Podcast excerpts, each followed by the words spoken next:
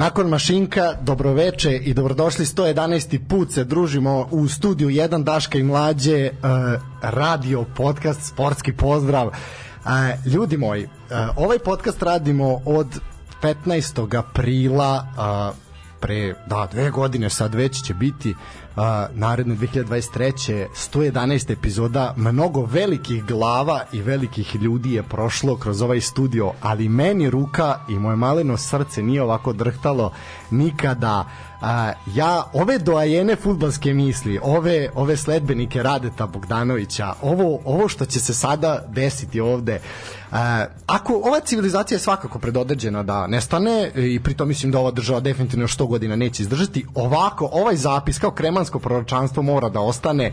I sada s moje uh, leve strane ću krenuti, ako je ovo audio verzija, vi ne znate koja je moja leva strana, ali uvek idemo s leva na desno, to je taj ovaj kruženje političke misli u prirodi, jel tako kreće.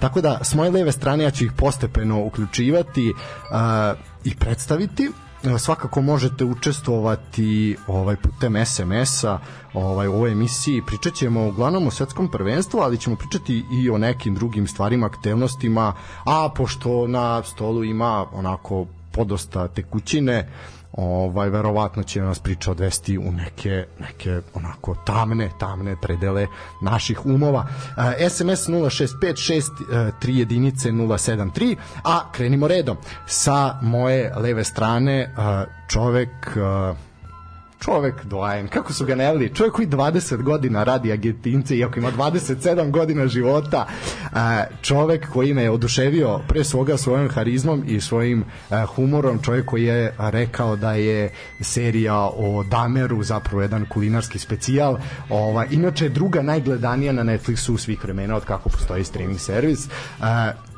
sa mnom večeras moje veliki naklon i zadovoljstvo Nikola Borić. Da reče Nikole, Dobrodošao. Dobroveče tebi, dobroveče svim gledalcima. Izuzetno mi drago da sam ovde prvi podcast u životu koji radim, tako da nadam se da neću razočarati pre svega tebe. Jer za gledalce me nije toliko briga, ali za tebe me, za, do, do tebe mi je izuzetno stalo, tako da, ono, ej, hvala, hvala za poziv, hvala za najavu. Lako, čekaj, to je Serdar Vojvoda, moment će biti malo kasnije, to, na, to ostavimo za kraj, da, ne moraš odmah. Kad, kad, kad, prođe uplata. Kad prođe uplata, da, da, da, da, da, kad dobijete, onda to na prvoj muzičkoj pauzi. E, odmah do njega čovek iz blokova, čovek sa vrućeg beogradskog asfalta ili kaldrme ili behatona, pošto samo ta, sad tamo ovaj Vesić je preuredio sve. da, da, da, ovaj, čovek uh, srčani i emotivni navijač Partizana, ali vidjet ćemo koliko još dugo će imati živaca za klub iz Humske 1, uh, gospodin Đorđe Guero. Hvala ti, hvala na najavi i hvala na pozivu. Lepa najava, moram priznati. Da, dobro, vidi. Kako se nado, dobro se udao, a? Da, da, da, iskreno. Lur, ti si lep čovek, ono, što ne Da, inače, ja sam čovek Lepša nek što je lep koji je za ovog gospodina. Prvo pa, uf, pa ovo baš bilo nisu. E sad, e, idemo dalje. E, pored standardnog, naravno, Nikole, koji je tu prisutan i uvek sa mnom vodi ove bitke ovaj, ponedeljkom uveče, čovek, specijalista za Indijsku Superligu. E, meni je žao što je taj moment, taj performans ostao nesnimljen, jer to bi promenilo pogled na svet i mislim da bi jednostavno svet sutradan bio bolje mesto i svi bi uplaćivali humanitarni SMS da su to videli. Ako ne za bolesnu decu, onda za ovog čovjeka. Nikola Delić. Hvala puno na pozivu. Veliko mi je zadovoljstvo da dođemo u jednu ovakvu emisiju. Ono, vrhunac moje dosadašnje karijere. Kabinetskog tipa. Da. U emisiju kabinetskog tipa, ali ima ovaj mnogo više što je rekao gospodin Stanislav tekućine na stolu, tako da... Da, da, sponsor, sponzori su bili velikodušni, samo ćemo to reći. Da, da, I naravno Nikola, moj ovaj saborac i saplemenik, ovaj već duže duže vreme. Pa pazi, znaš kako, svoje vremeno se veliki Dejan Anđus zahvalio Maji iz režije što je omogućila da četiri osobe budu u istom studiju sa stolom koji se klima. Ja ću samo da kažem da imamo pet osoba u studiju gde se sto ne klima. Anđus se prevazišli smo u svakom smislu darnih dana. to je ovaj. ne, vidi, ovo je A, znaš kao dosta nas zameraju kao previše ste ozbiljni, a pričate samo o ozbiljnim temama, ču pričam o srpskom futbolu, ozbiljna tema, razumeš? O, a to je izuzetno Ozbiljna propast. ozbiljno, E, ozbiljno. nego, oni ne shvataju ironiju kad pokušaš da budeš ozbiljan u srpskom futbolu, znaš. A da, znaš, ono, lepota je u oko posmatrača, odnosno katarakta je u oko posmatrača. u Ako gledaš srpski futbol. Kako gledaš srpski futbol, da? Nema Ovaj, lepote u tom oku, brat, ako gledaš srpski futbol. A ne bi verovali ima, Nima, nema, dobro, nema, ne, nema, ne, nešto, ne. Tako da, večerašnja emisija je zapravo specijal uh, vezan za svetsko prvenstvo, ali naravno sve drugo što nam... Jedna klasična blablavonica gde će pet muškaraca, aj dobro, makar piše u ličnoj karti da je pol muško, ovaj, će pokušati da odgonetnu i neke druge... Krstarica neke, čet. E, tako da, da, pregršt loših, loših fazona, ali mi ćemo morati da malo ozbiljimo sad ovo. Ja ću, ovaj, kako to obično biva, kad malo ozbiljimo situaciju, malo spustiti ovu muzikicu našu. E, nažalost, jedina stvar koja je negde, e, da kažem, malo poružnila ovu priču našu današnju i zato ćemo odmah to uraditi na početku, jer e, želimo da posle emisija ode u lepim tonovima, u lepšim tonovima, ali ono što se svakako mora napomenuti da nažalost, nažalost a, jedan od likova koji se tu pojavljivao tokom naše, moje i Nikoline mladosti, a svakako i vaše, ovaj, mi ga ne pamtimo kao igrača, ali ga pamtimo kao trenera, a, jako dobro. A, nažalost je tragično, tragično izgubio život pretho, u jednom od prethodnih dana, a, nije bitno sad nije tačno koji je dan bio, jednostavno nije, nije toliko bitno i onako prosto, ja sam bio lično šokiran i ja sam a, razmišljao o njemu, tako i o tim nekim vremenima kada je on bio bio prisutan na klupi fudbalskog kluba Partizan. A, nažalost, a, Miodrag, Miodrag Ješić je u tragičnoj, tragičnoj zaista nezgodi ovaj na putu Bački Jarak Ruma, tako nešto. Ne, ne, ne, Da. ob, obi, običan jarak. Običan, ja, da, Sremski Jarak, izvinjavam se. Ovaj, Ruma izgubio život, zaista ono slike sa te mesta nesreće su bili zaista zaista, zaista jezive, ali a, svi smo bili šokirani i čovek, eto, 65 godina imao Miodrag Ješić, a, bio je futbaler i trener Partizana, za Partizan je zabeležio 170 utakmica, postigao 14 golova, od toga je naj negde značajniji onaj protiv QPR-a u onom legendarnom preokretu koji su učili momci u Crnobelom u Beogradu. Može sad tu ja da nabrajam 11 utakmica o kupu evropskih šampiona, o kupu UEFA, samo eto taj jedan jedini gol je postigao. Bio je prvak Jugoslavije sa Partizanom u sezoni 82-83, za reprezentaciju velike one Jugoslavije, a ne Jugoslavije, odigrao je 8, 8 utakmica, postigao dva gola. U dva navrata je trenirao Partizan. Šaldovcim lektorima. Da, da, da. Ovaj i bio je bio je trener mnogo mnogo klubova i u Turskoj i svuda, znači čovjek nema gde nije bio. Bio je prvi a, posle ratni trener iz Srbije koji je seo na klupu a, jedna od dva Sarajevska Sarajevska prvoligaša, bio je to FK Sarajevo. A, zaista čovek koji a, svojim osmehom i svojom dobrotom je plenio i čovek koji je onako havajskim košuljama dao, dao jedan zaista ikonski, ikonski, ikonski status i ja onako baš sam bio šokiran, ali svakako da a, moj drug, prijatelj i brat će više, više reći o tome. Nikola, izvoli. Pa, pravo ti kaže, meni je izuzetno teško ovih dana, nije bio dan da ne mislim na njega. Uh, radi se o jednom od najboljih ljudi koji su prošli kroz Jugoslovensko sportsko društvo Partizan. Jer ako vi vratite stan kada odete iz kluba i kažete treba tu i neka druga deca da dođu, vi morate biti veliki čovek. Drugo, on kada je otišao u tu Tursku, e, nije imao sreće zato što je odmah klizećim startom zbog pozicije na kojoj je igrao završio karijeru jednog velikog turskog talenta i onda je bio omražena ličnost tamo, ali je utehu tražio u tome što kada ne igra utakmice, da ne trenira, zove u klubske prostorije kada Partizan igra, da mu samo ostave slušalicu otvorenu kako bi on slušao huk navijača Partizana u to vreme je veliki zaljubljenik u futbal, veliki zaljubljenik u Partizan i jednostavno ja kada pričam sa navijačima Partizana, meni je Miodrag Ješić referentna tačka da vidim koliko koliko zna ili ne zna. Prvo koliko zna istorijski, drugo da vidim koliko uh, gleda nešto šire od samog rezultata. Mm, Ješa nije imao sreće da bude šampion države sa Partizanom kao trener, jer je došao u dva teška momenta. Prvi put je došao nakon bombardovanja gde je Partizan optužen da je nelegalno prisvojio titulu u nezavršenom prvenstvu i sledeće sezone kako god da je Partizan igrao nije mogao da, da bude prvak a drugi put je došao u momentu kada su bila previranja u klubu gde jednostavno niko nije hteo da uzme klupu i Ješa se prihvatio toga. Uh, Ješa nije bio čovek logistike i decenijama je kao trener na različitim kontinentima radio pošteno i radio, živeo za futbal, a evo ono što je vrlo interesantno, to je neki njegov odnos gde je eto pomenut ćemo tamo i blog Crno-Bela nostalgija, najiskreniji blog vezan za futbalski klub Partizan, jedini koji nema nameru da zaradi od tog kluba.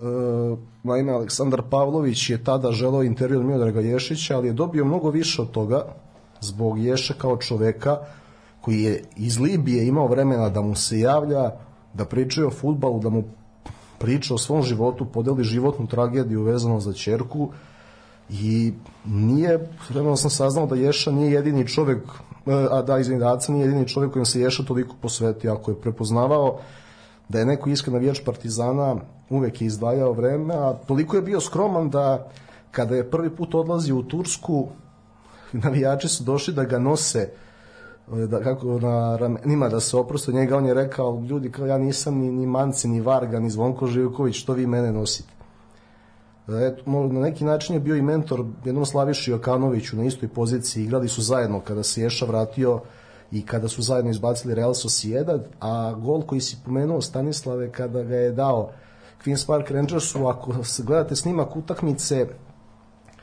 E, jeste bio jak početak Partizana, ali činjenica da je Ješa bio možda čovek koji koja se po faci videlo da zaista veruje u preokret, potpuni preokret do kraja.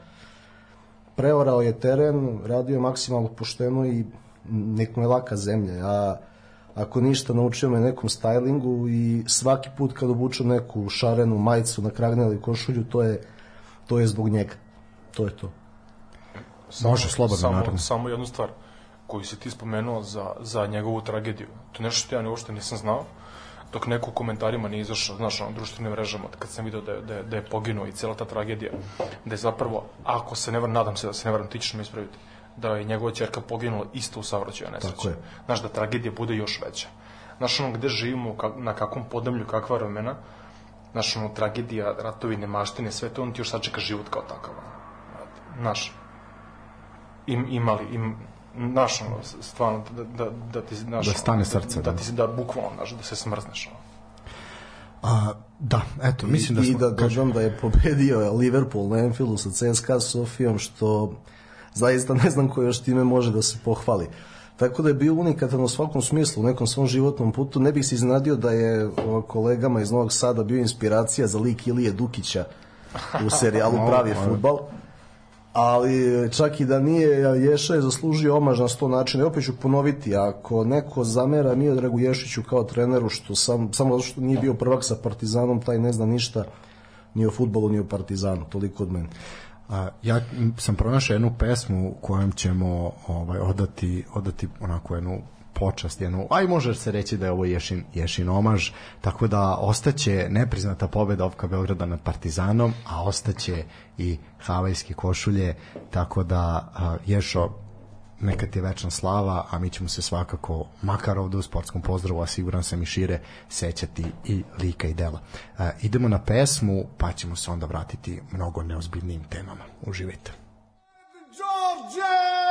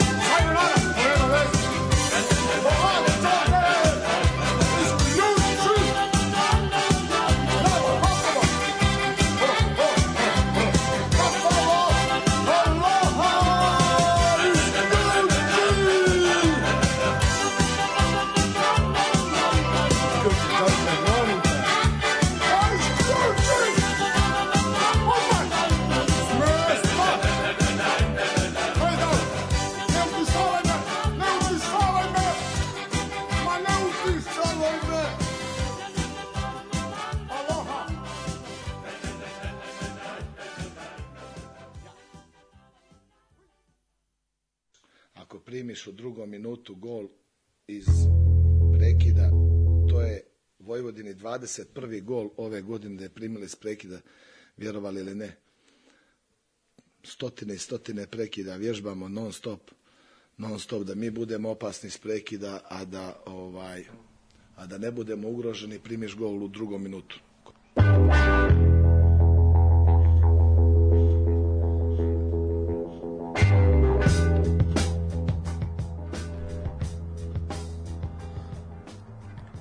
bio je to, bilo je to prvo poslednja igra Leptira, onda je to bio i ovaj trener Radojičić koji je umalo zaplakao na konferenciji Vojvodine kad je rekao da je to stotine i stotine prekida, ali u drugom minutu primite gol na takav način. Ali dobro, ovaj, ovo je negde bila i najava, ovaj džingl je bila najava, ovo je prvi premijerno džingl ikada, tako da evo, ovaj, da se upamti ovaj datum, 12. 12. ovaj magični ponedeljak, kako su ga astrolozi nazvali, kao eto, ovaj, dan kada je prvi put pušten džingl u ovoj emisiji, a, i to sam ja specijalno pravio i čuo, imam par onako iznenađenja, oduševit ćete se kad budete čuli. A, Elem, ovo je baš ova, ovaj, ova tuga u glasu ovog trenera Radojičića a, možda najbolje uvodi priču o našoj reprezentaciji na svetskom prvenstvu. Tako da, dragi moji, ajmo sad redom, ovaj, možete se slobodno javljati za reč, ja ću vas po poslovniku ko Maja Gojković prozivati. Ovaj, kažite mi, kakvi su bre vaši utisci o našoj reprezentaciji na svetskom prvenstvu, a onda ćemo ići uopšteno i generalno o svemu što se dešava. Ajde sad, Nikol, Nikol i ja smo pričali o tome, a evo sad da čujemo malo i, i vas s polja, tako reći. Šta hoćeš, ja prvi? A, em, jako malo toga pohvalnog, iskreno. Sad može se naljuti ko hoće i šta hoće.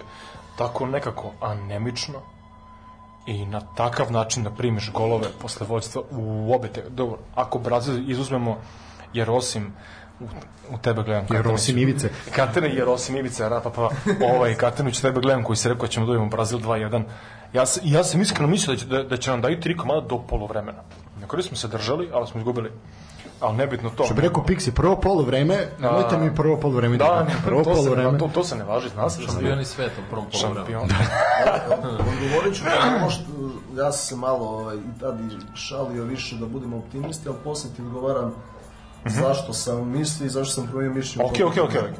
Nego, što sam htio da kažem, uh, Kamerun i Švajcarska. Kamerun, da vodiš 3-1 smo imali. Dve najgore offside zamke koje sam ja video. Verovatno, od odbrane, mislim, ono je baš bilo amaterski, blago rečeno. Ja vidi, to su ljudi koji primaju milione za svoje karijere. Ne govorim za reprezentativne, govorim za klubske. Znači, to su ljudi koji igraju na nekom vrhunskom nivou. Da imaš tak, takva dva kiksa u stvarno jako bitne utakmice na svetskom prvenstvu. Meni je to neshvatljivo, na neki način. Druga stvar, ovaj, protiv Švajcarske. Sve ti gori, visi, znaš koliko je bitno, znaš kakav su ti oni rival, od Kakav su nam bre oni rival? Kakav su nam bre stogodišnje rivalstvo nas i Milka Čokolade? Aj manje Pa, me, pa jeste, ba vidi, mi imamo rakiju. Ma daj bre, bež bre, kakav rivalitet sa švajcarcima, znači zašto izmišljamo? A šta kao, Lint je bolji od takova? Ma daj, beži bre, ajde, nemoj. Što kao, e, utakmica Srbija-Švajcarska, der, derbi de la Ivana ne, ne, ne, ne, ne, ne, ne govorim za to, ne govorim za to, govorim, govorim za, znaš kao, govorim za ono klasično, znaš kao, nisu znaš, e, računi koji su repovi iz prošlosti. Mislim, prošlosti dugo, četiri godine, godine. ali nema veze. Pa Ovaj, s obzirom koliko ovaj narod brzo zaboravlja, nije to ni tako naš loše, znaš, to, to je četiri to godine, je ozbiljni period. perfekt. To je ozbiljan. Ovaj za naš narod, ono. To je ono, Bejahu neka. Da, da, da. Znaš, jer, jer, jer, znači, pre četiri godine smo imali Švajcarsku, pre pet godina smo imali dinosauruse. Toliko je daleko. Ali, ovaj, uh, šalu na stranu, u tekmu koju ti stvarno gori, koji moraš da pobediš i da se nadaš povoljnom rezultatu u, u drugoj utakmici. To je Brazil Kamerun. Ti vodiš 2-1 i ti primaš ono dva, prvo taj prvi gol koji sam primili, koji je Šaćiri dao, kao na treningu. Dobro, to je bio, Ali- bio odbitak. Ono, nesrećan, realno. Više Znam. nesrećan gol nego što je... A znam, ali mislim da je to moglo da se... Ok, ok, nek bude. Ne, sve ok, ne, ne kažemo ništa za njega i za taj gol. No, to, ono, to je to. Ali hoću da kažem sledeća dva, znaš, ako vodiš 2-1 i ne možeš da zatvoriš utakmicu koja ti gori, koja ti je neophodna. Ali kako da zatvorimo? Ja, A ja, vidi, ja- ja, ja- ja, ja važno, slažem se, ne evo mogu- ja ću, evo ja ću samo malo da se umešam. Ovaj, ja kao partizan, Kao u sve. Da ja kao veliki Dijamant. moram kažem da ipak stajem ovaj, malo iza Pixija, jer uh, ja iskreno smatram da nije ovo tragedija uopšte srpskog futbala. Prvo treba... Veća tragedija ovoga je samo Hamlet. Pa dobro, ne slažem se. Veća, sam ja- da sam ja veća gledao. tragedija je poraz Partizana u Euroligi, ali nema veze. ovaj, kako kome? Ovo što ste čuli, jedno srce koje je puklo.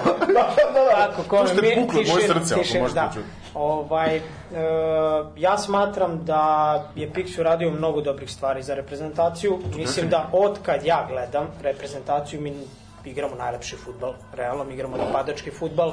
Čovek koji je u toj odlučujućoj utakmici, pa svako ima svoje mišljenje. Ja mislim da Pa, mišljenje realno- koji guzica svakoga ima. upravo tako. Ne, ček, koliko si imao Ovaj, godina kad je Radomir Antić vodio ovu Srbiju? Pa, A da li je taj futbol bio lepši od ovoga? Je to dobro A, Nije. Nije bio Da, lepši, da, ali Radomir da, Antić je znao da igra na rezultat. Igrali smo ozbiljan futbol. Igrali smo ozbiljan futbol. Ali ne toliko, ja pričam o lepoti i Srbija igra futbol. Igraš napadački. Imaš utakmicu protiv Švajcarske, setimo se 2018. godine. Kako smo, kako smo odigrali tu utakmicu sa njima i u kakvom timu je Srbija tada izašla? Pretežno defanzivno. Okej, evo, ne- ne- znači, mi smo dali gol slučajno, ono Mitrović Da, u da. petom, šestom minutu. Na početku. I ja mislim da je to bilo sve od naše reprezentacije. I onaj U penal, onaj. utakmici. I naravno da ćemo ga primiti u 90. Da. Šaćirija. Isto recimo jedna dubinska, mislim, kroz sredinu lopta gde je Šaćiri izašao jedan na jedan i dao gol. Dešava se. A, od kad je on došao, prva stvar, znači igramo na svetskom prvenstvu, a, u Nika Lakšoj smo, prošli smo recimo u polufinale e, B lige nacija, Ušli u Znači, A. imamo, ušli ušli, u A. ušli, u A ligu, što je veliki uspeh. Znači, Tako je. samim tim igraš sa najjačim reprezentacijama. Rep stacijom, molio bih. Repstacijama, izvini, izvini, izvini, zašto je to uspeh? Čovječe, Dobro, sekund. Ok, izvini. Repstacijama. Aj, po- molim vas, po Ovaj, poslovniku, po ovaj, poslovniku. Ja smatram, Ja da- sam sledeći, ja smatram, ja smatram, ja smatram, ne znam za vas, ali ja smatram da tako futbal jedino može da poraste ako se takmičiš sa najjačim. Tako, ja nisam svakom toga, sportu, pa okej, Srbija nikad nije igrala ligu, nikad nije igrala takav futbal i bila ta reprezentacija kao što mi mislimo, mi smo kao narod poznati kao ne znam, mi smo najjači na svetu, a nema nas nigde i nismo nešto velike rezultate pravili recimo kao Hrvati prošle godine finale svetskog, ove godine polufinale, možda čak i finale svetskog. Znači oni mogu da pričaju o nekom kontinuitetu, oni mogu da pričaju o nekim rezultatima, mi ne možemo. Mi nikad ništa Da, ali mi, spektakularno mi nismo imamo uradili. kratko pade. Ali čekajte, ja bi se A ne, izvinio. ali ovo je jako dobro. I pritom, izvini, i pritom, Pixi je na dobrom putu, meni se sviđa još jedna stvar. Mi imamo Pixi je na konačno... dobrom putu da bi otkaz. O, dobro, neka on dobije otkaz. Ja samo hoću da kažem, posle 26 godina on će, pa kao što je rekao, odveći našu reprezentaciju na evropsko pr- reprezentaciju, ostane, izvini, ako na ostane, evropskom da. prvenstvu, da. Samim tim, od kad je došao, mi igramo svuda i samo se dižemo. Ne može jedan, meni bar ne može Brate, jedan mi turnir, testo je. Pusti ga, molim te, da, da, Ne, vidi, dobro je dok se, da ti ja nešto kažem sam, prvo ako je prva stvar, Ne. dobro je dok se diže, to je jako dobro, to je pohvalno, a dok ne počne da pada, e sad, Da, slažem se. Afrička stvar, šiva. da, druga, to si ti rekao, ja nisam mislio na to, ovo ja sam mislio na rating, ovaj, a da se, To, to samo govori koliko naša reprezentacija pati od od ovaj od Impotencija, šta? Ne, ne, ne, ne, ne. To im ne fali. Dečko, ne razmišlja o tome, jel nego, tako? hoću da kažem od ne, ne, netolerantnosti na gluten, brate. Mi samo, A misliš da to samo pa vidite, Znači, ljudi, Đoko izda. ja moram Samo da kažem, mi prvo treba predstavimo se ložimo, da smo Da, mi e, kao odlično. Upravo to. Ovo je Evo, Upravo to. to je ključ svega. Da li ste videli, izvini Samo da kažem. Da li ste videli koliko, bila je anketa, koliko ljudi je uh, re- restisnulo, odnosno reklo, da ćemo mi, uh, kao prognozirali se ishod meča protiv Brazila, prve utakmice. Znate koliki postotak ljudi je reklo da ćemo mi pobediti Brazil? A 80? 78%. Znači, 78% ljudi u državi ne zna. Evo recimo da ti postavim pitanje na to, to pošto pričamo, ko je najviše kriv za to? Šta? Pa da se Mediji. narod... Mediji. Mediji su krivi, loženje. Ali i mi, ali vidi, ali vidi, Ali dobro, ali u redu je Samo da ložiti se, ali ne treba ići u ekstremizam. Da, ali vidi, mi imamo generalno, sad uzmemo pozicije igrače koji igraju, gde igraju, šta rade. Mi imamo reprezentaciju na nivou Poljske. Na, na tom nekom Pa da. teškom Ne, da, ma ja, jeste, ali jeste, gde naši igrači igraju, koje su njihove uloge u klubu. Okej, pogledaš prvih 11, Pogledaj to su našu- ozbiljni klubovi. Ali koji ozbiljni koji klub? ozbiljni klub? Koji ozbiljni? Jel Werner ajde, ozbiljan klub? Ne, šta hoćeš da kažeš da Sevilla nije ozbiljan klub? Ne, šta hoćeš da kažeš? Ali to su prosječe. Šta kao Fiorentina, kao Fiorentina, loš klub. Fiorentina je uh, ono tim koji godinama igra na sred, koji zauzima mesto na sredini tabele. Shout, out Nintendo dresovima, brate, A, a Fiorentina. ne, vidi, Da, ne želim uopšte tu menadžersku prevaru od kluba, ono da spominjem, brate. Real. Sačekat ćete ovde- Batistuta nakon što završi snimanje još jedne soke reklame ste nabiti. Prekazit ćete jugom, ali Ovde izvini, ovde je u pravu Delić, a kad završite ja moram da repliciram svoj četvorici, tako da... Ovaj, hoću da kažem da, da nama Uh, mi, mi nemamo, kada smo imali dobru odbranu, na primjer u kvalifikacijama za dve, 2006. kako je, godine, realno mi imamo. imali smo Vidića, Dragutinovića, Gavrančića, koji su tad igrali u top formi, I na nekom, Krstajića. i Krstajića, u top formi, na dobrom nivou, igrali su odlično. To nešto doći korimo na benzinskoj. E, možemo, ovaj, Ne može. Evo, pa molim za parlamentarnost, izvolite, kolega Delić. Ova, I gde sad imamo Veljkovića koji je ušao iz druge lige, ono, mislim, bez uvrede, Milenkovića koji... Pa bez uvre čovjek prima 100 gola Pa, po sezoni. pa da. Kaki, Milenković koji je ono, van svake forme, van svega i Palović koji tu vuče ono, rukama i nogama uz vanju koji po meni, e to je meni najžalosnije, da najbolji igrač na prvenstvu je golman koji prima 8 Ali to golova. ti pokazuje, pritom- po statistici pritom golma imaš, najbolje to ti recimo za našu repre- repstaciju, jel tako? Ajde, navedi mi dva beka. Ne bih Nemamo, dalje levi ili desni, nemamo. solidnih. Da ume da igra Nemamo. fudbal, ne- Znači mi jedino što imamo Gobiljić i Urošević. Dva Pa, vrhunska šta Marcelo i šta ti Dani to- Alves. šta ti to pokazuje? Šta ti to pokazuje? Pa od, Sam, samo se zna. Ko zna, zna, ko ne zna igra beka. Da umeju da igraju, ne bi igrali. Čekaj, Ali da, ali imamo Pogledaj, Josipa Juranovića samo- e, e, ja sam upravo Josipa. Josip Juranović je igrao za Hrvatsku protiv Brazila, čovjek je bio najbolji na terenu 120 minuta. primorao je selektora Brazila da napravi izmenu. I ubio je u da- napadu i u odbrani, znači njega je bilo svuda po terenu. Pogledajte To je naš mapu da vidite šta je to je, to je naš da, problem zato što mi imamo igrače koji sebe precenjuju i mi precenjujemo. I onda je to kombinacija. To Plus cirkus, brate. cirkus koji se dešavao ovaj, i to pujdanje, to je posebna priča. to mi je tek Ali, ne je shvatljivo. Dobro, ti možeš znaš Znaš šta je više o tome, ja nemam. svega? Samo da sad ja tebi repliciram pa ćemo nastaviti. A, brate, neće se ovog niko sećati.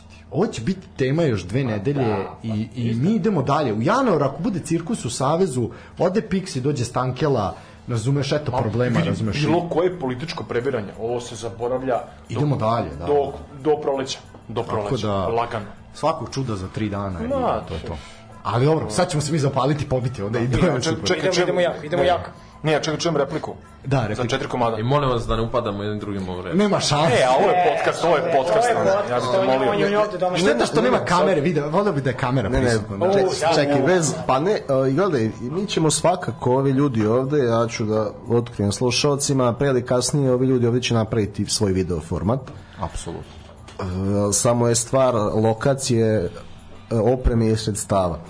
Drugo, to što je podcast ne znači da treba upadamo toliko u reč, a slušalci da bi razumeli ovo, um, što se trenutno dešava u studiju, mi smo neki ljudi koji smo eto tri meseca proveli zajedno, dobro se poznajemo i neke fore interne su trenutno prenete u u studiju. E, sad, tako da ako slušalcima nije jasno, možda će im sad Sve je biti jasno, ne, e, sve, sve je sad jasno. moram, e sad, ajmo replicirati. Bili smo- bili smo zajedno u vojsci. Tako je, tamo. da, Voji rok novi je od tri meseca, preporučujem se ja da se prijavi. Bojim se da će nas Vučić ponovo strpati vojni rok još jedan od tri meseca, tako da... da, da, A, dobro, kači sve, kači E, nas. Ja, ja imam ravne tabane, ne mogu. E, Ljudi, Jedino ovaj sa minus 12, ljudi pitaju... jedino ti sa minus 12 ku Vulin možeš da se izvučeš onda. A ljudi pitaju gde mogu... Evo još jedan put, znači ajmo još ovako još jedan put, znači www.daškoimlađa.com to je gde može da se sluša, a ovaj SMS, nažalost ne humanitarni, protrći ćete 3 dinara ovaj, na nas, a to je 065 6 3 jedinice 073 Eto, to su tehničke informacije. Naravno, ili bilo koje društvene mreže slobodno možete pisati, pa ću ja to čitati i zagorčavati momcima život pitanjima. Mislim da je vreme da Katar odgovori. Da, naravno. Izvinimo. ja sam slep pustio sad, što ste pričali, pričali ste. Da, sad je borba u deset. ponovo. Ne, ovako, e, Stanislav, ovo za 70% ljudi, 78, molim te. Do 78%, da, ove se, ne, nego to si ti vodiš tu liniju za Beočin ka Sremu i tvoji bivši srednji školi. Ali, Mi smo sugrađani neki. Nek bili, bili, bili. E, gledaj, sad, e, to samo pokazuje e, da je Srbija igrala dobar futbal, legitiman futbal, pobeđivala ozbiljne timove u gostima i pokazala zajedstvo. Ta vera, ta, e, to odmah repliciram i Deliću, iako se slaže s njim u drugom delu za Fiorentinu, ovaj prvi deo ne ložite se. Ne, ja bih svako od 32 zemlje koje kad god odu na svetsko prvenstvo zamerio građanima te zemlje da se ne lože za svetsko Nije, nije prvenstvo. problem loženje, nije problem loženje, problem je kad se ode u ekstremizam. Ne, ali to je, gledaj, ja e, znam ovaj, o čemu pričate, ali to je najnor, najprirodnija stvar. Jer ako negde možemo da se ložimo još u životu, to je sport, pored svega. Ok, u redu je loženje, ne shvatite mene, sportsko loženje u redu, ali e, sportsko loženje koje se pretvara u nacionalizam nije dobro. E, to je problem. Nije to nacionalizam, nego ti svuda vidiš nacionalizam. Ovde se radi o tome da je Dragan Stojković e, igrom i rezultatom doneo neki optimizam. Tako je. Tako E sad, to, to je... i onda kad se to... Malo se samo odmakni od mikrofona. Eto, A, dobro, pa ne znam šta si podesio, ti, ti imaš Ne, to, ne. samo problema sa reglerima. Ovaj. Po, podesio je za Delića, ti Podešio počeo sam za Delića, da, tako da ne morate biti ovo, eto to. E, ajmo Iako si ovako. vidim da prihvatio si svoju muškost, prišao si velikom crnom mikrofonu, ali... ali slobodno. E. Podsjećate me, brate, na ove, na, na ove klape, naš, ono, četiri momka koji pevaju na jedan mikrofon o, o devojci koji, ono, koji A bukvalno oni pevaju posle jedan drugom na mikrofonu, da se umeša devojke nema. De, de,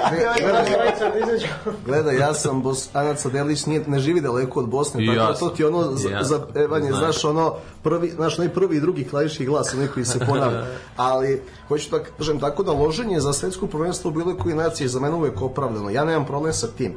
Uh, e sad, Borić, uh, zašto sam verovao? Pa verovao sam dok Dragan Stojković nije odustao od sobstvenih postulata.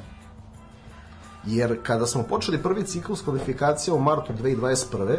On nije imao problem da prvu utakmicu počne bez Mitrovića i Tadića, zato što mu trebaju za drugom i sam je naglašavao da se igraju tri utakmicu u 7 dana, da je njemu bitno zdravlje, da ima ko može da igra i to je bilo veoma hrabro i donelo rezultat tada. Kao što je donelo kad se igralo su se četiri utakmice u 10 dana u Ligi nacija letos, gde on pustio 25 futbolera da igraju i mislio samo na zdravlje.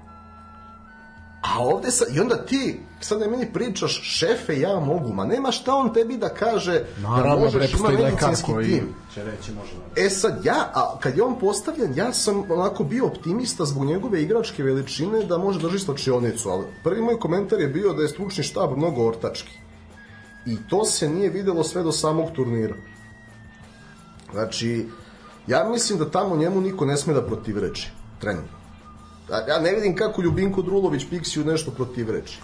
Iako je legenda, mislim. Pušta Čega? Ga, pušta ga u micama. E, to. Čega, čega legenda? Legenda što je napravio šansu ovaj, Le- Saša za promašaj. Ne, ne, ozbiljna legenda u Portu. Portu je igrao, da. Ne, ali a ne, gledaj, Ljubinko je bio, Ljubinko je bio žrtva imena, e, to je bazi, e, kako Ali to je Đurović, njegov bivši pomoćnik i rekao pre neki dan da neverovatno mu je kakav je on stručni štab poveo u mislim ajde sad ozbiljno pričamo Bratislav Živković je u stručnom štabu, mislim, čovek je vodio Indiju, voždovac, Da, tako to- bio trener mladinaca zvezda. Ne sporim, on je bio ozbiljan igrač. Napredak iz Kruševca. Ali, mislim, št- šta je kvalifikovalo njega? To je to što pričamo da su to kao neke A dobro, okej, vidi, on je izabrao ljude po svom nahođenju i to je sad ono, i legitimno i treba. Legitimno. Ali nema znaš što šta. mislim da mu se desilo? Zato što kad se završila era bivše Jugoslavije, u ovoj Santračevoj eri, dok je još Pix igrao, i u eri Vojvodina Boško, reprezentacija i tada, pa i kasnije, stalno bila optužena da igra previše defanzivno. I meni od starta deluje da on hoće da bude taj kojem niko ne može da kaže da je sisa i da se uplašio. I to je od prvog Da, ciklusa tako, znaš, jer on, on je u fazonu, ovaj, kad je bilo prva, prva utakmica s Portugalom, kad se gubilo 0-2, on može da kaže da je hteo da je pobedi kući iz dva napadača. Pazi, ali posle, šta je bilo dobro kod njega? Što je korigovo sam sebe, izveo jednog napadača, uveo veznom, našao balans, dao dva gola i sačuvao tu utakmicu. I što je e, Pixi čak i kad je u kvalifikacijama grešio prvu postavu, jako se dobro korigovao izmenom. Tako. A sada na prvenstvu on uopšte nije grešio s planom A, nego s planom B. I znači desilo se desilo se sve suprotno od onoga što se dešavalo u kvalifikacijama. I onda naravno da prestaneš da veruješ kad vidiš da neko odustaje od sobstvenih postulata. To je logično. Jer ti Mislim, pazi, jel- nije Brazil ni H- mi smo koji Švajcarska i Hrvatska igrali 0-0 55 minuta. Ali Švajcarska i Hrvatska su napravili korektne izmene. Da, ali pazi, ti imaš i taj deo ono što sam rekao za Pixija, da mu ja pružam podršku. Pogledaj Švajcarce godinama, znači oni imaju svoj sistem, pogledaj Hrvate godinama. Pogledaj njihove timove, njihove lidere, ti u Hrvatskoj u jednom veznom redu imaš Modrića, Brozovića i Kovačića koji su i prošlo svetsko prvenstvo činili taj vezni red. jel Da, za ne. I ona evropsko vezni i sve. I naši igrači, znači ti imaš jedino Mitrovića koji sazreo, ok, Mitrović je dao gol Švajcarcima, lep gol, Mitrović i Teg i Ali ti kad pogledaš, mogu da ali evo ti recimo i kreneš i od dobro. To se jako videlo Ti imaš, čekaj, je evo ti. Hrvati, znači imaš mladog Guardiola koji će biti, jel te, sjajan štoper, ali pored njega imaš Dejana Lovrena koji je iskusan igrač. Imaš bekove koji su, on, Hrvatska ima bekove za razliku od nas, jer ti nemaš koga da povedeš za beka. Jedino kažem ti, Gobeljić. Nemaju spali- igrače, imaju bekove. Pa okej, ali mi uz Holandjane se, smo jedina reprezentacija na svetskom prvenstvu koja je igrala sa 3-5 To je sa tim wingbackovima u sa wingbackovima. Andrija Da, Živković u ali- Partizanu bio ali- krilo, ljudi. A nije okej. Jeste, ali, ali Jeste, da, ali okej, nije ti sporno. nemaš, ti, evo, izvinjam se, ali koliko je bilo recimo komentara Živković, e, pošto je Levonog, zašto igra po desnoj strani? Evo recimo njegova prva zamena je Radonjić. Ajde sad ljudi realno da pričamo. Šta kao Radonjić može da, da igra na toliko vrhunskom nivou, krilu i e, defanziv, pogotovo defanzivno, na tako visokom nivou. Ofanzivno, ajde možemo da kažemo da i može da doprinosi. Radonjić menja u stvari tok utakmice kada Tako uđe. je, On je tako je, on je taj neki možda X može- faktor. Protiv Portugala je to pokazao. u Tako Jeste, je, ali onda se Ja. suprostavi sa, protiv te švajcarske gde evo, ono što smo pričali, Pixi izašao je sa ultraofanzivnom postavom. Znači, nema straha. Po meni, plus, bar, ja sam bio, plus. ja iskreno, ja sam bio srećan kad sam vidio da igraju Tadić, Mitrović i Vlahović. E, ja, ja nisam. Evo, ja ću reći I ja zašto. bio. zato što, ne, to je, e, to je on previše hteo. Gle, imaš problem i ja sam se nadao da veliko ime poput Pixija može to da reši. Aleksandru Mitroviću svaka čast, ali on kad ne da gol, nema funkciju na terenu. A On je trebao da bude ima. zamenjen nakon što je dao gol. I, pa ne, on, je- on je trebao da uđe... A dobro, ali vidi, izvini, da izvini, izvini, kupa Katan, ali čekaj, mi smo primili gol u 46. 45. 46. Znači nije ni poluvreme bilo. Šta ćeš Mitrovića da izvedeš u 38 minuta? Ne u Trijan, ali treba je biti po meni, ja bi ga izmenio, on je... A kad ćeš da ga izmeniš? Evo, evo pričamo sad. U poluvremenu bi ga izmenio. Na poluvremenu? Lagan, lagan. 2-2 imaš, ti moraš da pobediš. Ko će ti igra umesto? Luka Jović nek igra. Čovjek nije odigrao minuta, evo. Ne, gled, e, gledaj, S gledaj. razlogom. A, Pa. Mitroviću svaka čast, ali se pojavio neko bla, mlađi, bolji i tehnički obučeni i neko ko ima funkciju na terenu i kad nije dao gol. I treba da bude prvi špic reprezentacije i još tri svetska prvenstva. I nema pot, znači Mitrović na umornu odbranu sa svojim skokom na drugoj stativi može da uništi svakog. Nema potrebe da igra više 90 minuta i to treba da mu se objasni zato što mu je prijem lopte malo bolji od mog. Treba da igra Dušan Vlahović, a drugo Dušan Tadić ima smisao samo kad se igra prilagođava njemu. Onda žrtvujemo Sergeja, koji je najbolji veznik A svaki fudbaler ove put je bio reprezentacije. Pa da. I on, ne, Sergej želi da se žrtvuje, njemu svaka čast na tome, njemu i njegovom po, bratu posebno, nema šta da se zameri ovaj turnir, pritom je Sergej igrao povređen. I ne igra Isto. na svojoj poziciji. Ali Igrao je više za, to je- zadnjeg veznog. Evo, ja- ja ću prvi zato da- i duva, zato što- duva na sredini terena. Da, ali ti nemaš zadnjeg veznog. Evo, Ja recimo, mislim kao da pored... dop, mislim da imaju doping testove na duva lig. Dobro, ovaj, pored bekova, e, ajde evo sad pričamo i o naj, naj, najbitnijoj poziciji za odbranu, to je zadnji veznik. A tu je falio mi Nemanja Matić. mi imamo Nemanja. Budelja, bre. Ali Nemanja nije. Matić nije falio, Nemanja Matić ste Nemanja imali na Matić, RTS-u ovaj- više nego prisutnog. Da, da, da, da. Koji, koji, zna- znaš da ima, Za- on, on ima svoj Svaki čovjek koji doppelgangera, se zove brate, Nemanja ovaj- Matić znaš, je suvišan na ovoj ovaj, planeti. Nemanja Matić. Ovaj, Ne, ja sam stvarno ubeđen. Da bi otišao kluba Rome ima na svog doppelgangera. Pa ne bi RTS. zato što nikad nije ni doprinio u reprezentaciji i zato što može da igra samo u reaktivnom stilu igre. On kod Pixija na vetrometini bi bio najgori. Ali to onda do Pixija i do njegovog A stila. ne, nego ti gledaj, Nemanja Matić je prvo sabotirao ciklus kvalifikacija Siniše Mihajlovića. A ne, ne, ne, pa ne je onda, o tome, pa je onda zvao predsednika da pravi nacionalni stadion, pa onda stalno se nešto podboči, pa da neku izjavu da se pogledamo u oči, onako krakat, pa onda Ra- Radomir Antić to bože nije video kako on trči, pa ne znam, stalno nešto smeta tom Nemanji Matiću, i ovaj, ne tre, mi smo napravili rezultat da pobedimo Portugal baš zato što više nema Matića, Kolarova, Ivanovića, Stojkovića i Ljajića. Kad je tih pet baksuza otišlo u reprezentaciju, ja sam počeo da verujem. Hoćeš da kažeš nema, nema bekova, brate. I to, i to ali hoćete, ovaj, znači, ta velika imena na bekovima povraća mi se od njih. To ti. Tako da, ovaj, napravili smo, imamo tim stvarno, ne, fora je što ne može niko više da kaže da neko nije dobio poziv ko zaslužuje. Ovo su ti igrači i sad je ostaje među Pa ovih da. 25-6 da napraviš kako 11 najbolje funkcioniše u datom momentu. Ja nisam za to da leti Pixi, jer ne znam ko može da drži tu slačionicu, Naravno, niko od nas nego nije da da leti Pixi lepo uzme dva, Suludo. dva ovaj, čoveka poput Luke Jevtovića koji nemaju mnogo harizme ali imaju znanje u stručni štab a onda kad oni podnesu Pixi analitički izveštaj da Pixi to sa igračima na neki svoj šmekerski stil iznese i da mi budemo bolje strukturirana reprezentacija. To je sve. Tako da ništa ne treba sad drastično menjati, kukati za oranje To je sve, stadiona, to je da sve mi istina. odemo u Nemačku to je sve istina. i da prođemo grupu. Vidi, ako ne odemo u Nemačku, za uvek zabranite futbol. Ovde sam u onakvoj grupi, znači to, to je prva.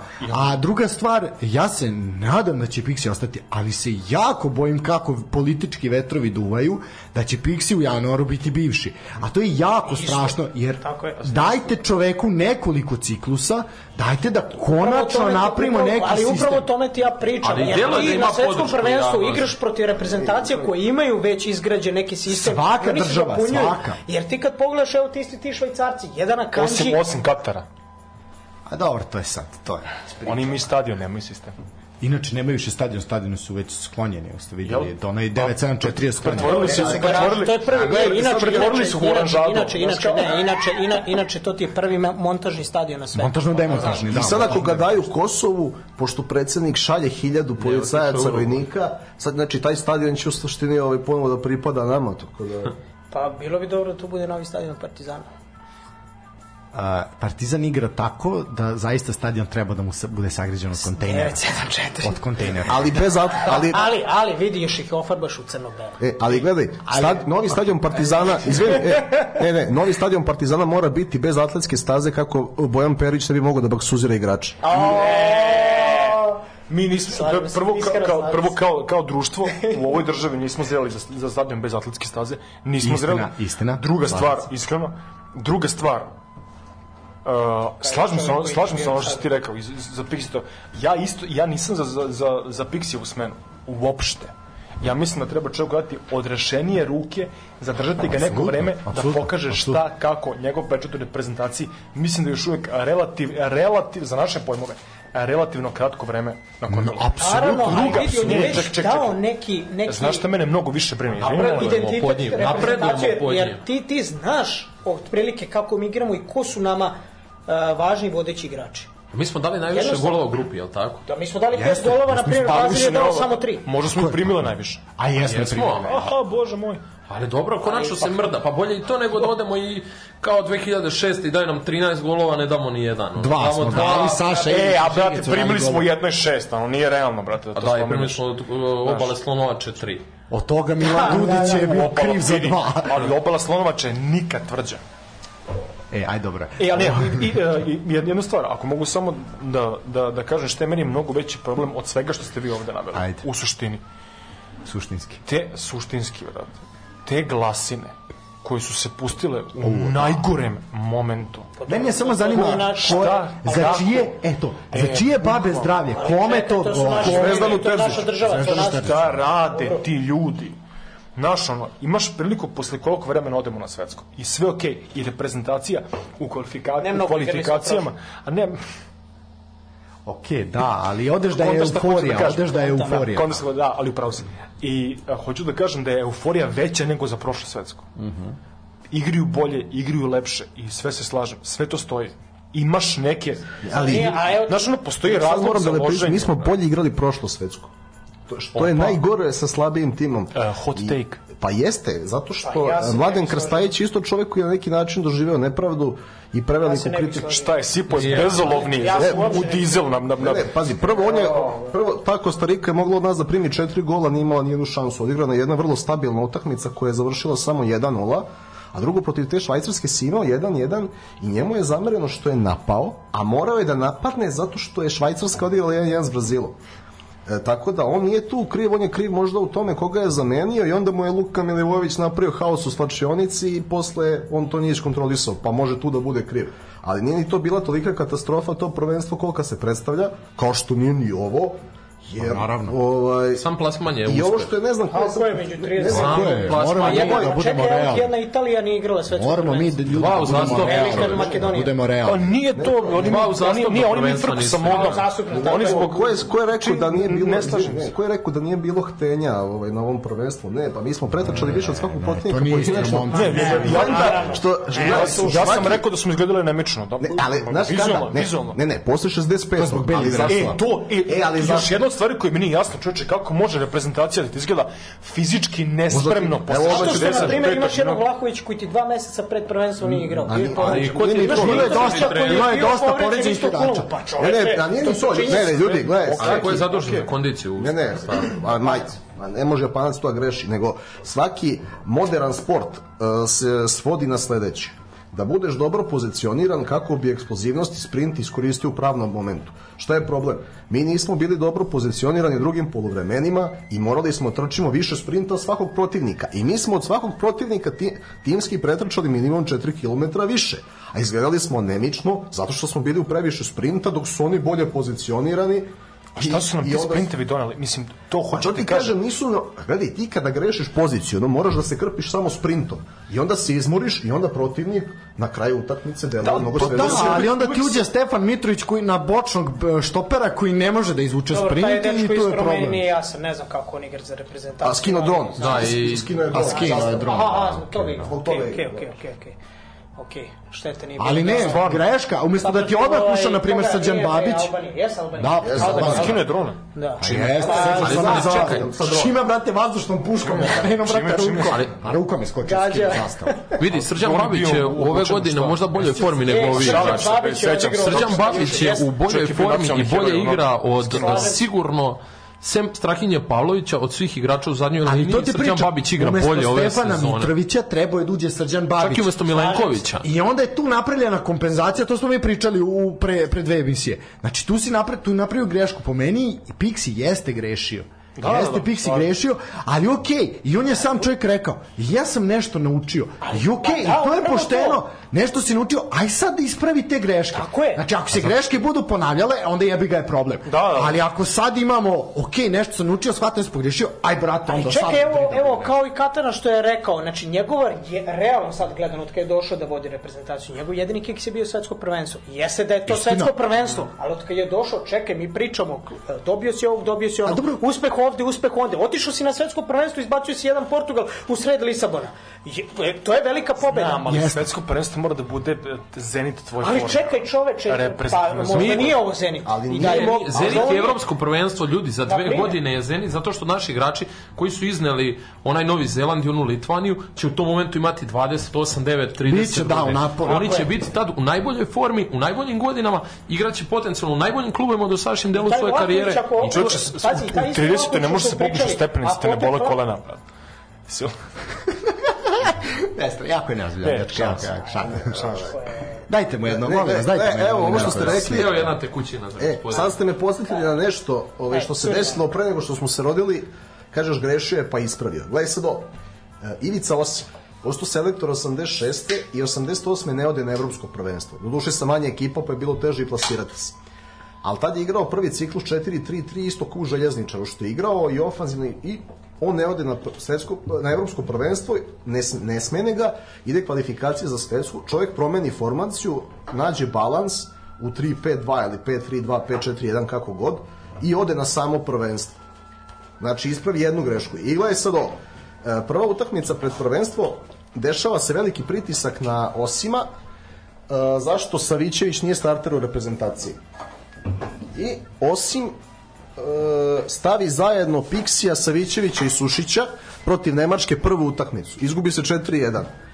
I onda čovek lepo e, od druge utakmice krene da igra kako on hoće i umalo ode na jedan penal je bio od polufinala.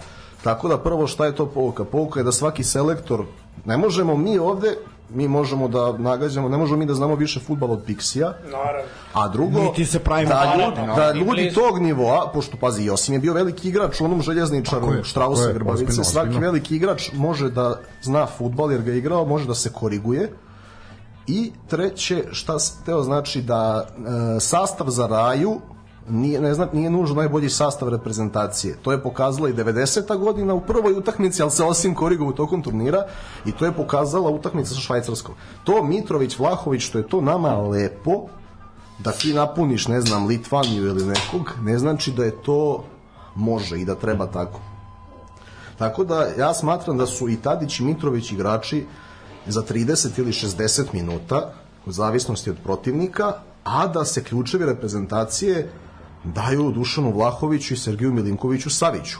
Jer da bi Tadić i Mitrović igrali, ti njima nužno moraš da se prilagodiš. I onda oni isporuče statistički, ali ti trpiš na drugim delovima terena, a s druge strane, Sergej Vlahović i kad se ne vide toliko, mogu da budu korisni na više načina. I to je moj stav i znači takvu stvar može da reši samo velika ličnost kao što je Dragan Stojković. Ako ne može Dragan Stojković, onda selektor može da bude, ne znam, samo Slaviša Jokanović ili neko iz tere, pošto ajde Siniša Mihajlović nije uspeo, znači neko iz te generacije, neko takvo ime može da kontroliše tu slačionicu. Jer kad se Pixi pojavi pred Tadićem, druže, ja sam bio veći igrač od tebe, ne možeš ti meni da kažeš ništa. Ali mi nemamo veće igračko ime. To je najveće igračko ime Pa, koje imamo. pa ne, Sam, samo jednu stvar. Pa ne, a pošto je Dejo postao separatista i otišao dole, a i nije za trenera, nemamo. Mijat neće da bude trener i onda ko može da trenira ovo? Znači, Ne, ne, Pixi, ne, Joka igrač. Samo znaš treći. Čisto, čisto da se razumemo, pošto se spomenuo Ivicu Osima.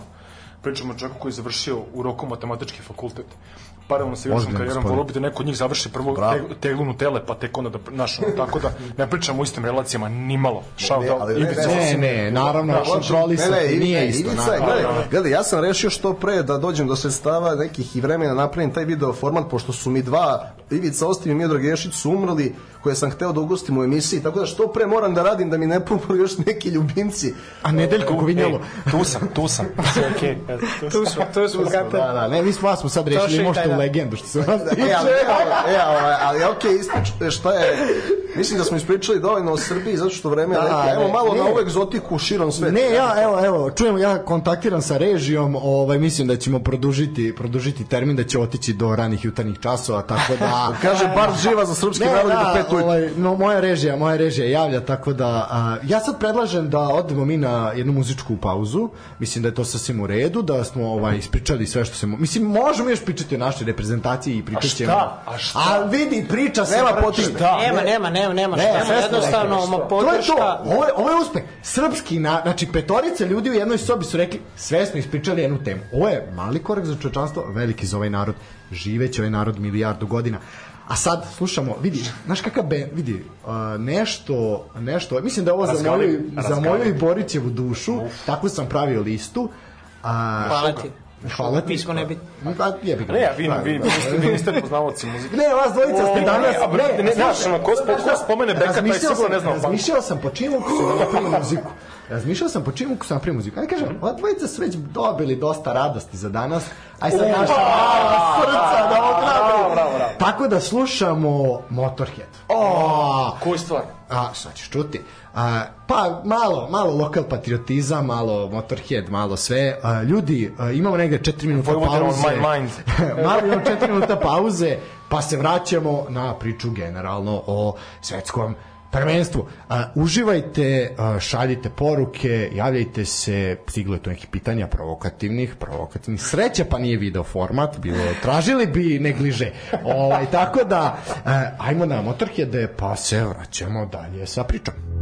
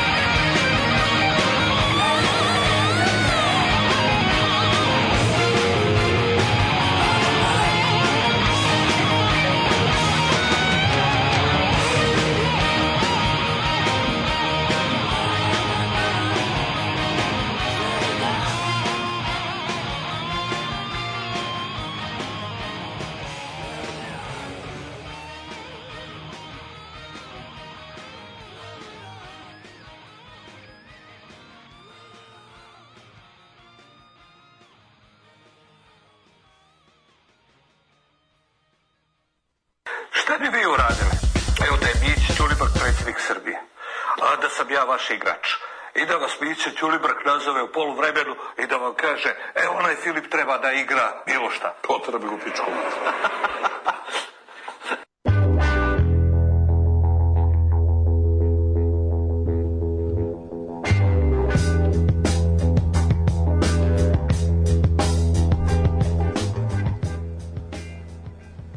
E, nakon Motor Džedova se vraćamo nazad na priču o svetskom kupu ili ti svetskom prvenstvu. A, došli smo do polufinalnih utakmica, sutra će biti odigrane, Argentina i Hrvatska su sutra na programu, prek sutra su Francuzi i Maroko. A, eto, nakon što smo završili u priču o našoj reprezentaciji, kakva god to ona bila, ali je završena, ajmo mi se okrenuti onome ko je došao do same završnice. A, Elen, postavit ću vam jedno pitanje. A, koja liga ima jedina tri igrača u a, polufinalima, a da su oni igraju u top 3 kluba iz te, iz te lige. Znam ja jer smo pričali. Gdje smo pričali danas. Ali ajde, neću ja da kažem. Ajde reci. HNL, NL, Batice. brate. Jer Ima imaš Hrvatska, igrače ima iz... igrače iz Dinama, Hajduka Osijeka i i Hajduka. Osijeka. Tako je. Tako da, to govori o završnici ovog svetskog prvenstva, neka ostane to zabeleženo. A, momci, a, ajmo prvo, šta vi očekujete od ovoga sutra i prekosutra, pa ćemo se onda vratiti malo na početak i kako ste uopšte proživeli ovo svetsko prvenstvo. Ovaj mundijal, ova čudna zimska vremena. Da budemo ravno, ajde sad da malo kreneš s ove strane da mi ne zapostaviš Delića. Može, može, Delis, da, slobodno. Malo može. desne. Ovaj, pa moje lično mišljenje Sve smo u desnu. samo da Hrvatska ne osvoji. Kogod drugi da osvoji nije problem. Ovaj. A, Ali, Žao mi je što nije video podcast, ja ću sad obući dres Hajduka iz Splita, tako da sam... da, to je, to je Hajduk je. Split, srpski klub iz Split je po londonskom paktu sa brat, tako da sve okej. Vidi, oči, oči generalno- Jugoslavije su uprte u tebe. A, bukvalno, iza. Generalno, vid- Hrvati igraju stvarno dobar futbal, ali ovaj, ne bi mogli da živimo od njih, da dođu negdje. Ma kak, ne, bi to bila senzacija kod Inače prava. najviše, naj, najveći broj Hrvata živi u Srbiji, pa ne mogu... Da, ima, šta ti je? Brate, e, navijam iskreno da... Za, za, zamisli kako bi njima bilo da smo mi ušli u polufinal. Pa, Ne, ne, zanima me kako bi njima bilo, bi, ma maj, mi... Pitanje je ko bi bio gori, pitanje je ko bi bio gori. Ja, ja, ja, ja mislim, Čekaj, mi... Ne, ako ćemo da E, e, možemo- koliko ljudi, izvini, samo koliko ljudi živi u Srbiji, onda veći problem imamo s Marokom na severu Srbije nego s Hrvatskom. Ne, A, da, okej, E, su šalu na stranu, ovaj, htio sam, da kažem, Hrvati igraju stvarno dobar futbol i mislim da mogu do kraja, da mogu da osvoje, stvarno mislim da mogu da osvoje. Mislim da je Modrić jedan od najbolj, onako pocenjen je dosta igrač, ali verujem da je bukvalno ispod uh, Ronalda i Mesija ide on, kao um, kao igrač, kao vezivno tkivo svakog Da, tima gde motor igra. ekipe. Pa evo, evo Deliću, realno, to smo ti ja baš pričali. Uh, da nema Mesija, ti bi nekako rekao da su možda čak i Hrvati blagi favoriti. Pa jesu mi, čak, čak i da ima Ali- Mesija, ja, ja mogu da kažem da Ne, Hrvati pa imaju su, kompaktniji tim. su, Hrvati jeste, imaju jeste, kompaktniji tim, ali imaju Messi više ne- dobrih, uh, kako da kažem, ljudi koji znaju šta rade na terenu. Argentina ima Mesija ima gomilu ono, e, igrača koji, Koji su... rade za Mesija. Da, e, to, teo kažem, ono, gomilu Enzo Fer, ovih Fernandeza, znaš. Ali u tom prvom Hrvati su mi, pa iskreno, blagi favorit. Ja sam zapalio iskru, ja ću sad samo da se povučem. Ne, a, Da, da. pa, A u drugo, moram odmah da kažem, pa da, da završeno prepustim kako smo redom idemo, ovaj, da će Idemo Francuzi... u krug kako pravi drugari treba da idu. evo, shout out Bajega. Mislim da će Francuzi da odrade posao baš onako silovito, jer Maroko jeste odigrao odlično prvenstvo i Da li misliš, da li mogu Francuzi, da li, odnosno, da li Maroko može da iznenadi Francuzi? Ne, mi, mislim da je tu mislim, kraj. mislim da će čuda. biti ono jedan, po mom mišljenju, od najubedljivijih poraza u polufinalima svetskih U, prvenstva. ja baš ne mislim. dobro. Ja baš ne mislim. iskreno i Marokan- mislim ono Smela, smela. zato što odigrali su odlično prvenstvo, ali taj balon negde mora da pukne za takvu E, selekciju. znaš E, ko je, to su znaš ko je jedini, e, znaš da je Maroko primio samo jedan I gol. to I to auto sebi, gol, da. E, sam ne samo to, vidi, tu priču sam čuo 2016. kad je Leicester, brate, dolazio i osvojio titulu. Mora da pukne, mora da pukne. Svako kolo se čeka. Da, ali vidi, da. Leicester je tad zavisio i ta liga je Da, zavisila od i više klubova. sve stoji, Znači, sve ovde stoji. Francuzi, ako ih po, pobede, šalju ih u borbu za treće mesto, vidjet ćemo da li na Argentinu ili na Hrvate, kogod da dođe opet, ja Maroko outsider, realno gledajući, uh, negde mi je iskreno uh, novo finala da se ponovi kao prošle između Hrvata. Ne bih volio, to je sve što ne bih volio, samo da se ponovi finale od prošle Mislim da hoće, a onako subjektivno Greota je, nisam neki ljubitelj Messi, ali Greota je da ode bez, ono, bez... Ma koga bez ne To je Greota. zna neki ide, Greota je da mi ne prođemo čoče klub, grupnu fazu. Mi nismo ni zaslužili da prođe. A, o, pa. Tako je. A nije ni Messi zaslužio da osvoja. A, pa jeste, realno godinama, ali on, on, on ne, 10 ne, godina vuče Argentinu, vuče ovu prosečnu reprezentaciju, realno. Zašto, pro, zašto prosečno? A Mauro Icardi, nije najveća prevara na svet godinama, Ček, ček, ček, ček, najveće prvo si mu video ženu. Sad sam da, da li je bivša ono. Sad mislim da je bivša već. Ja, nije, Wow. nisam je samo Wow. javio, video je 8 milijardi ono ljudi na, na planeti. S obzirom da ima više muževa i ono, mislim, o, o, o toj bestidnici ne želim da trošim reči Mislim da je uopšte. vreme Imamo da više parfema, mislim, imamo više tetaka. Da, da, da, da. da. Ne, vidi, znaš šta se ja, aj sad da ja repliciram sad tebi, čega se ja bojim? Zaista ne bih želeo da se ponovi finale od prošlog puta, jer mislim da će to biti, biti jedno onako nalupavanje i mislim da neće biti Ali zanimljivo. čekaj, Francuska je najviše pokazala. Francuska Ne, okej, Francuska najjača. treba da bude, ali Pa, ne bih želeo da se se da ponovi... je najviše pokazala, ali Ja kad da gledaš... jeste. Ja mislim da jeste. Pa po čemu su najviše Po svemu. Mislim da su Delo da mogu da ubedljivo. daju Oni su kao tim, oni su kao tim kad gledaš, O, tim kao tim ubedljivo pokazali. najjači. Ali ali, iz prve ali čekaj, izvini, jesi gledao englesku? Jesam. Engleska. Hoćeš da mi kažeš da su ih Francuzi razvalili? Nisu. Ko je bio bolji, realno? A bio je Brazil od Hrvatske. Realno je trebao da ode u produžetke, realno je trebao da ode u produžetke. Minimum. Realno su. Minimum. Minimum, Harry Kane, ja bih ga volio. 51-49 za Francuza tokom cijele tekme bilo. Ma dobro, ti si. Majke. Dobro. E, a, samo, da, samo da se vratim. Na šta ne bih voleo? Bo, a bojim se da će biti. Bojim se da Maroko gubi polufinale, e, da se ta njihova velelepna priča, a zaista jeste, mislim, oni će ući u legendu i to je to prva afrička reprezentacija, prva afrička iz arapskog sveta. Čuče, sve- sve ovaj to, Regragui je pre dva i po meseca postao selek. To je posebna Krstaja, priča. ono, to je posebna brate. priča, ali ajde. I oni isto, i, on, i isto na pumpi radi. reprezentacija koju je napravio Vahid Halilhočić. Tak, e, doći ću i do toga. Ali ne bi oni uradili. E, samo, ali samo, samo, molim za parlamentarnost, molim ja kao Maja Gojković, zanosim i naočare.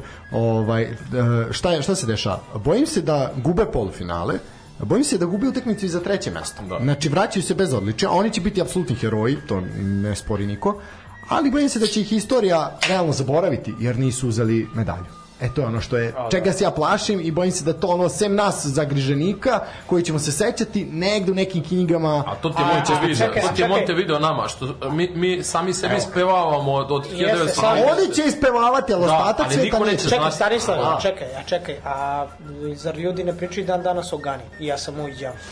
Pa pričaju, ali se sete... Brate, pričamo mi, razumeš, Pričamo kao kad mi, mi zato- se sretnemo, znaš, ono. Dobro, čekaj, pričamo ljudima koji prate futbal. Ne možemo da pričamo o čoveku koji je Ali- ali, prati Ra. Rajevac je to zaboravio. A nije, ali ajde, nije, ali ajde. Ne, Ne, koliko popije na Zlatiboru možda i zaboravio, ali... Aj, a veruj mi, komplet lepinja vraća iz mrtvih. Ovaj, tako da, tu bi, to je nešto, nešto čega onako, što, što bi mi bilo zaista žao da se desi, a negde se pribojavam da će se desiti.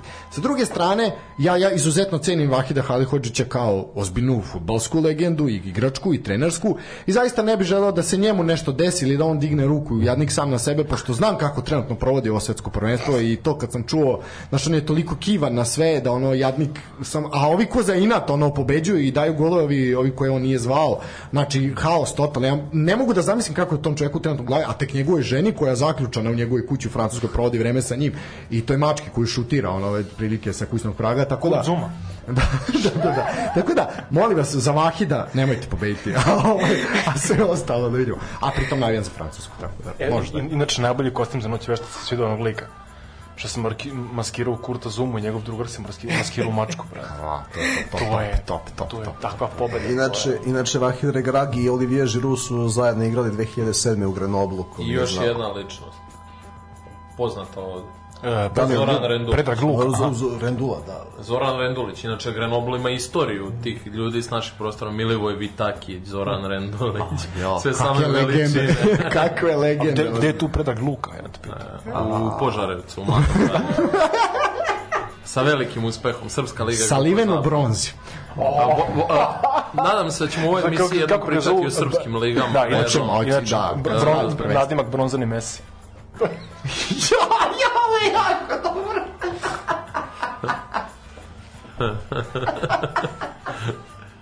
A nastavimo. A, šta ćemo, ovaj, polufinala. A, a znaš kako ovo, ja mislim da će Argentina osvojiti turnir ako Messi bude dao po gol obe utakmice. Jer idemo dobro zato što je ovaj, promenile su se neke stvari u toj Argentini. Ajde da, se- da se ismeju ostali. Pa. Da. Ne, ne, ne, Samo slušamo. mi pričajte, ne vredi, ne vredi, otišli smo. A ne, ja, gle, a kad se završio turnir 2018. godine i ono ispadanje o, Argentine, onda je bilo gomila članaka o tome kako kako je Messi u Barceloni navikao da ćuti, da pričaju Čavi i Pique i ne znam Busquets, kako on e, ne loži sa igrače, kako nije lider, kako njegova verbalna i neverbalna komunikacija nije na nivou. I onda čovjek uradi upravo tu stvar gde počne da loži ove tetovirane ludake.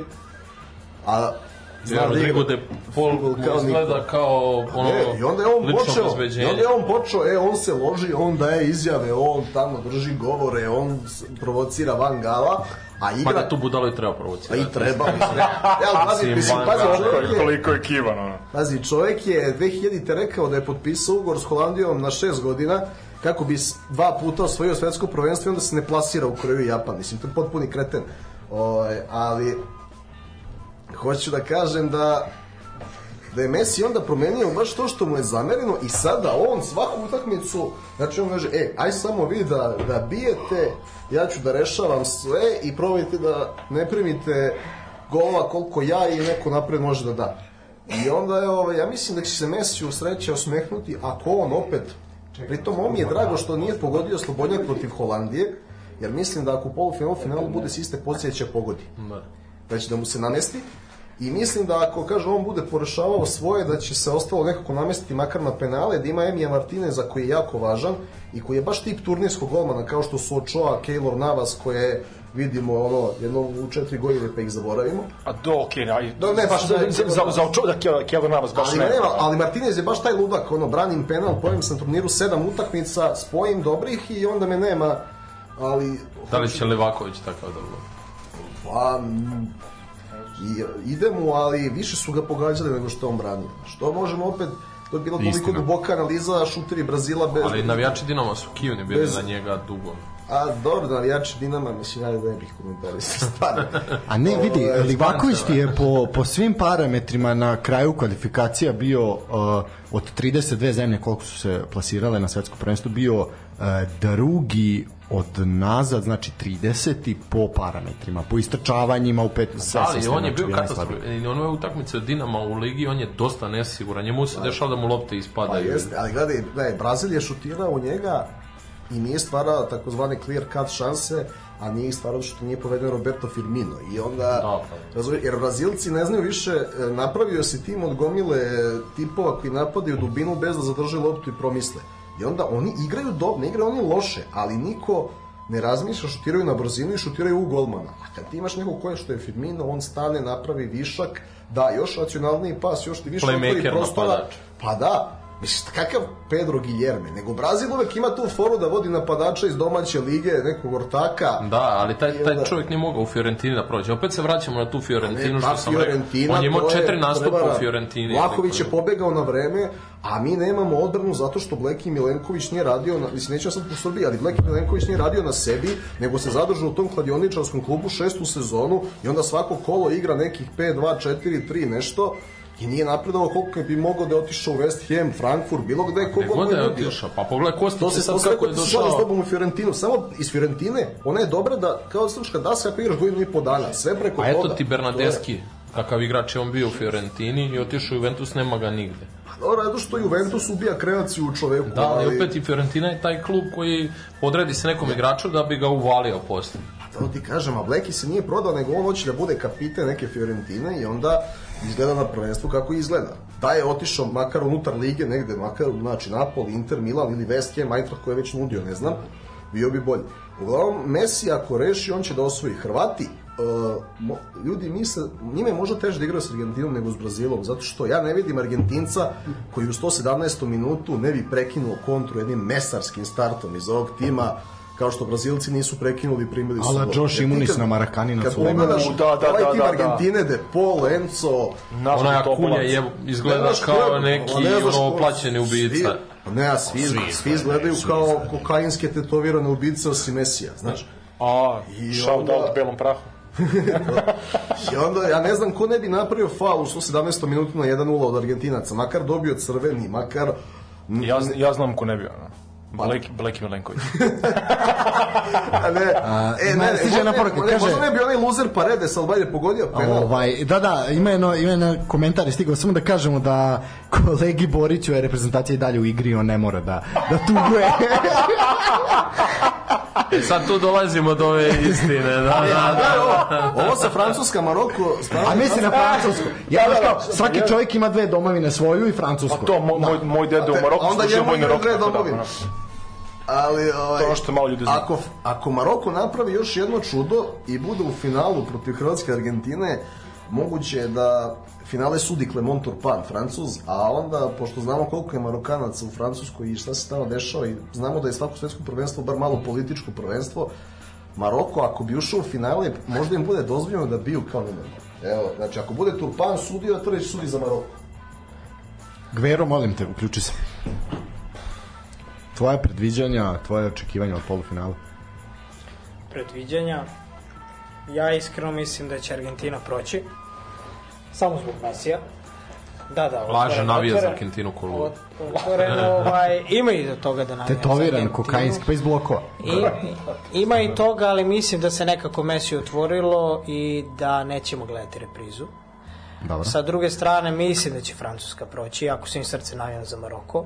Ne znam, nekako. I ne mislim, ovo što je Delić rekao, da će to biti najubedljiviji Žao mi je, sad mi je jedan moment što žao mi je što nemamo kameru da vide ljudi kako izgledaš. Otprilike izgledaš kao da si iz Maroka, tako Marokanac. da. Marokanac, da. Tako da. Marokanac, Afganistanac.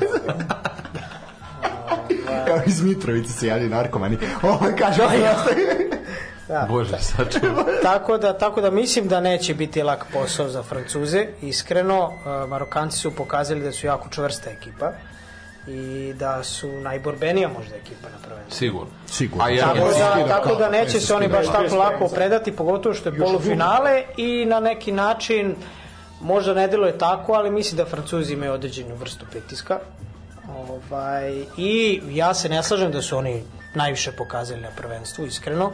Mislim da baš nisu pokazali koliko mogu, a da generalno imaju ubedljivo najjaču ekipu. Možda malo Ne zna se za sa koje strane su jači, tako da ono. Mislim da su Francuzi ubedljivo najveći favoriti za osvajanje. Uh, favoriti su u polufinalu, mislim da im neće biti lako, a mislim da između Hrvatske i Argentine svašta može da bude, ali opet tako mi nekako deluje na prvenstvu da se nekako Messi otvorilo i da će taj jedan potez rešiti ili opet možda penali. Boriću, izvoli. E, izvini, samo ovo što je Delić rekao za najubedljiviji e, poraz potencijalno u polufinalu, to može biti tačno ako Francuska rano povede. Zato što Maroko ima Da, ako ih tri, otvore, tri od da, četiri da. startna defanzica su povređena. Mi ne znamo ko će i da li će igrati polufinale. I svi su roviti. ko zna. Ne, oni ovaj, jednostavno oni preživljavaju. Da, svi su komiti. A Francuska ima 50 igrača koji mogu da igraju za reprezentaciju i da završe među četiri. To je najve, znači kao što je nekad bio Brazil, sada je Francuska. Transfer iz, iz Alžira u, u Francusku. Pa dobro, stari kolonizatori, ali ovaj, hoću. Kažem da ovo, e, i znaš te, ima to što se tiče Hrvata i Argentinaca, ako gledamo holandski vezni red, odnosno hrvatski, jedina prednost holandskog veznog reda je ta što imaju, što su mlađi, imaju veću startnu brzinu u odnosu na Modrića i Brozovića. Kad vidimo koliko je Messi problema pravio De Jongu, koji ga pritom poznaje kao saigrač, koji je mlađi, koji ima dobru startnu brzinu, mislim da u tom Messijevom prvom koraku Brozović, Modrić, pa i Kovačić jako veliki problem mogu da imaju. Oni moraju da rade, igraju tako da Messi loptu uopšte ne primi, a to je nemoguće. I to je među ostalog još jedan razlog zašto mislim da će on uspeti da prevaziđe Hrvate. Opa.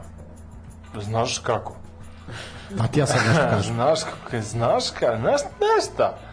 A, ja sad kad razmišljam, a, ja možda malo veću prednost dajem Hrvatima. Iz, iz čistog, ne iz futbolskog razloga, već iz razloga što mislim da su, Su naša braća. što su ultra, pre svega, shout out, a što su, mislim, ultra predloženi zbog ovoga. Već su dolazili do završnice, znaju kako se dolaze do završnice, imaju stravične imena, što ti kažeš Delić, Luka Modrić, verovatno ono, u poslednjih 10 godina ono, uz Benzemu, valjda naj, najpocenjeniji igrač je koja svoju zlatnu loptu, naša, a, nezamenjiv čovjek u Real Madridu. Mislim, ko u Real Madridu, ako je Perica Uljenović mogao dobiti otkaz u Real Madridu. Na, naš kao, znači da Real Madrid pronašao- može sve da smeni. Ali Perica se pronašao u regije muzici, tako da... A ne samo to, laž. ambasador Rolexa, izvini, obe ruke po jedan. Ovo nisam znao. Perica i regije muzika, stani. Da, da, da, da. Perica je rekao nakon toga da on ne žali da je se on pronašao u regije muzici. A pazi ovo. Baš tim akcentom. Ne, znaš zašto te ovo pita? Zato što u isto vreme kad je Perica došao u Real, sa njim je došao i još jedan igrač Marley. prostora Elvir Baljić.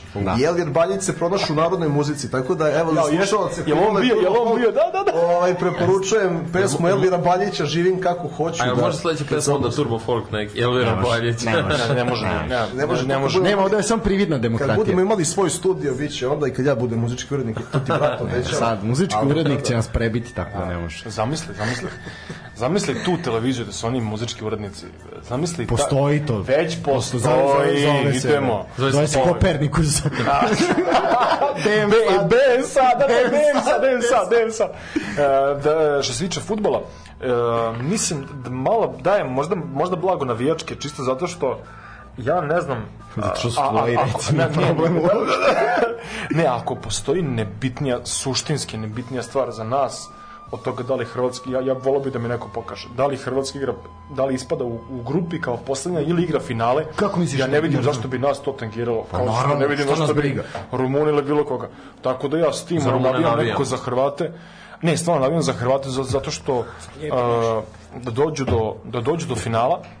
U finalu nekih otkosti Francuska, razume, nije to kao, ali navijam da dođu do finala, mislim da imaju čime da se suprostivi Argentini. Mislim da neko može da izigrava da izigrava ono bučera tamo i da da da otkosti Mesija, ne verujem da će to da uradi. Što se tiče Fre, što se tiče De Jonga, ja kontam da je Messi bio kiva na njega s obzirom koliki ugovor čovjek krcka u Barceloni. Ja mislim da ovaj čovjek namerno igrao ono na, znaš ono kao sad ću ja te pokažem ono kao tvojih 55 miliona godišnje. A ovaj, tako beše zavio Barcelonu prilično u crno. Možda u tamno sivo, ali ono kao baš ih je zavio. Navijam, n- nisam siguran da li Hrvatska može da... Nisam siguran, navijam za njih da uđu u finale, a drugo polufinale uh, volao bih da prođe Maroko. Znaš, ono kao zamisli Hrvatska Maroko, finale koje vjerojatno niko nije očekivao. Da, početku. to je dobra, dobra Jeste, fora na 9 leto. ako se sam danas Ne, ne. kako? kako, bi izgledalo Hrvatska Maroko finale, a 22 igrača sede na zemlji, lopta stoji čekaju 120 minuta. Aha, ja, ja, ja, finale. ja sam mislio kao neka slika, Thompson puši hašiš kao, znaš. ovaj, nego... Uh, Ne, gotovo, da. Mate, Bul, Mate Bulić hašiš klapa. Nego, uh, volao, bih, volao bih da Maroko pobedi zbog toga što su, mislim, pokazali, vidi, da, da je neko, a ako mi neko od vas kaže da je video Maroko, Ne. da prolazi grupnu fazu pre, pre jako, početka. jako dobra Pa, fora je dobro, bila. a, dobro, jako dobro, bora ne možete- ne jako dobra. ne, a ne možete kažete Ne, ne možemo ne. kažemo ne, ali Znači, jako realna ne, borba ali- za prolaz da, da. između oni, njih i Hrvata E, je upravo to. starta. Borba za prolaz ako, ih, ako se poslože kockice. To je bar meni, znaš, A niko ih nije ovako bilo- daleko, to je. Koliko daleko ih nije videla Hakimijeva majka koja mu je rekla, sine, ka- Sanja i najveće moguće dostignuće. On je rekao, mama, Sanja, Ne, polufinale, sad kako ona je rekla, ne moraš baš toliko veliko i toliko daleko da sanjaš. Ne, ja, ja, Ali, sam ovaj, ih, ja sam ih i video zato što Belgija, ali pazi, Hrvatska je dosta škripela na evropskom prvenstvu, meni je Hrvatska iznenađenje da, ne, nije iznenađenje što oni imaju inače kvalitet, nego iznenađenje da baš ovoliko ponavljaju. Jer su bili zreli protiv Belgije da ispadnu. I onda kad su već prošli, Fortuna ih je pogledala. urade ovo, Ono iz, iz. Realno Da, jest. Svakako svaka čast. A Maroko mi je iznenađenje i još, ću- znaš zašto, što mi je drago zbog Maroka? Zato što su reprezentacije Severne Afrike ispaštale zbog drugih e, rezultata. 98. kad je Maroko bio zreo za prolaz i pobedio u posljednjem kolu, Brazil je sa nekim kombinovanim sastavom izgubio 2-1 od Norveške. A 82. kad je Alžir trebalo da prođe dalje, Nemačka i Austrija su odigrala jedan, je, odigrali 1-0, jedini rezultat koji je obe ekipe vodio dalje. Samo ću Tako reći da- jednu sekundu, Tako da je se... Severna Afrika ovo zaslužila mnogo ranije, to je moja Svakako, naravno. A sad javio se muzički urednik i rekao je da će vas slomiti, tako da nosit ćemo vam banane na ortopediju ako budete se spardali. Tako Muzički da, urednik hoće da nas slomi da bi nas lečio jer mu je to profesija. e, bojim se da ne.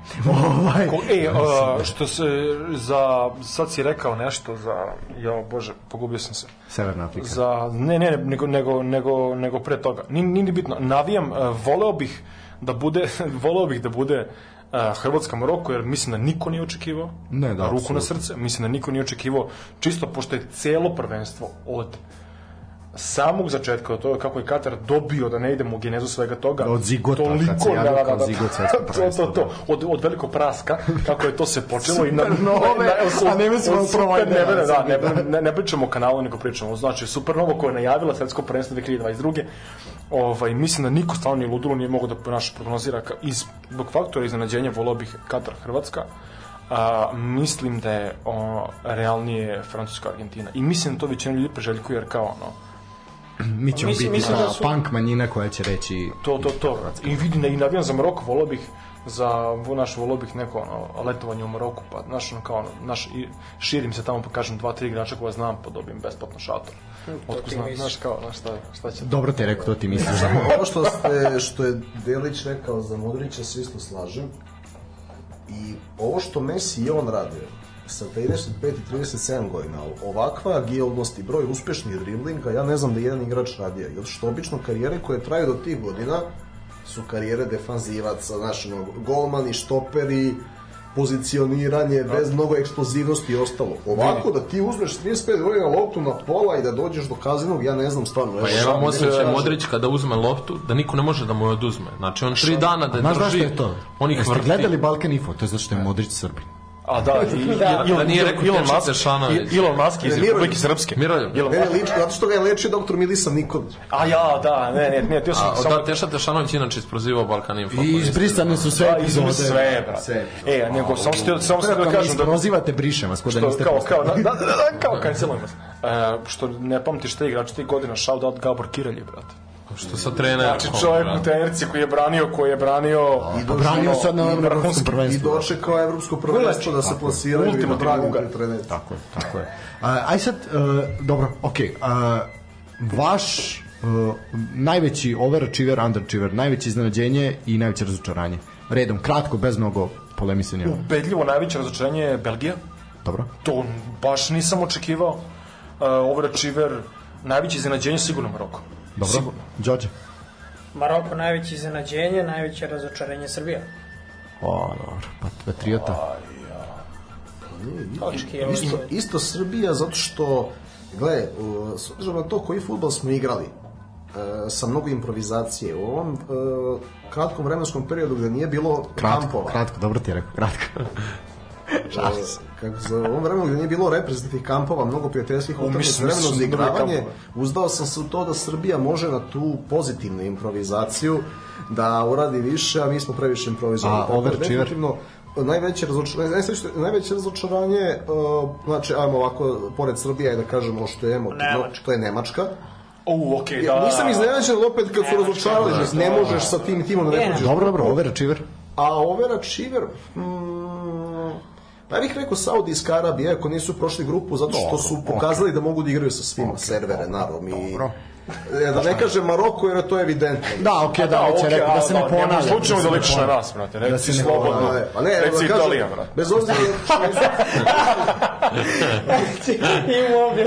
Evo, da ja kažem, da ja vama kažem nešto. Uh, najveće razočarenje sigurno Nemačka. Ono, izblamirali su se pošto Da li moguće da ja usamljen jačem na talasu Belgije ovde? Dve, dva prvenstva nisu prošli grupu, što je sramno. I meni je, na primjer, najveće, najviše su me duševili Japanci.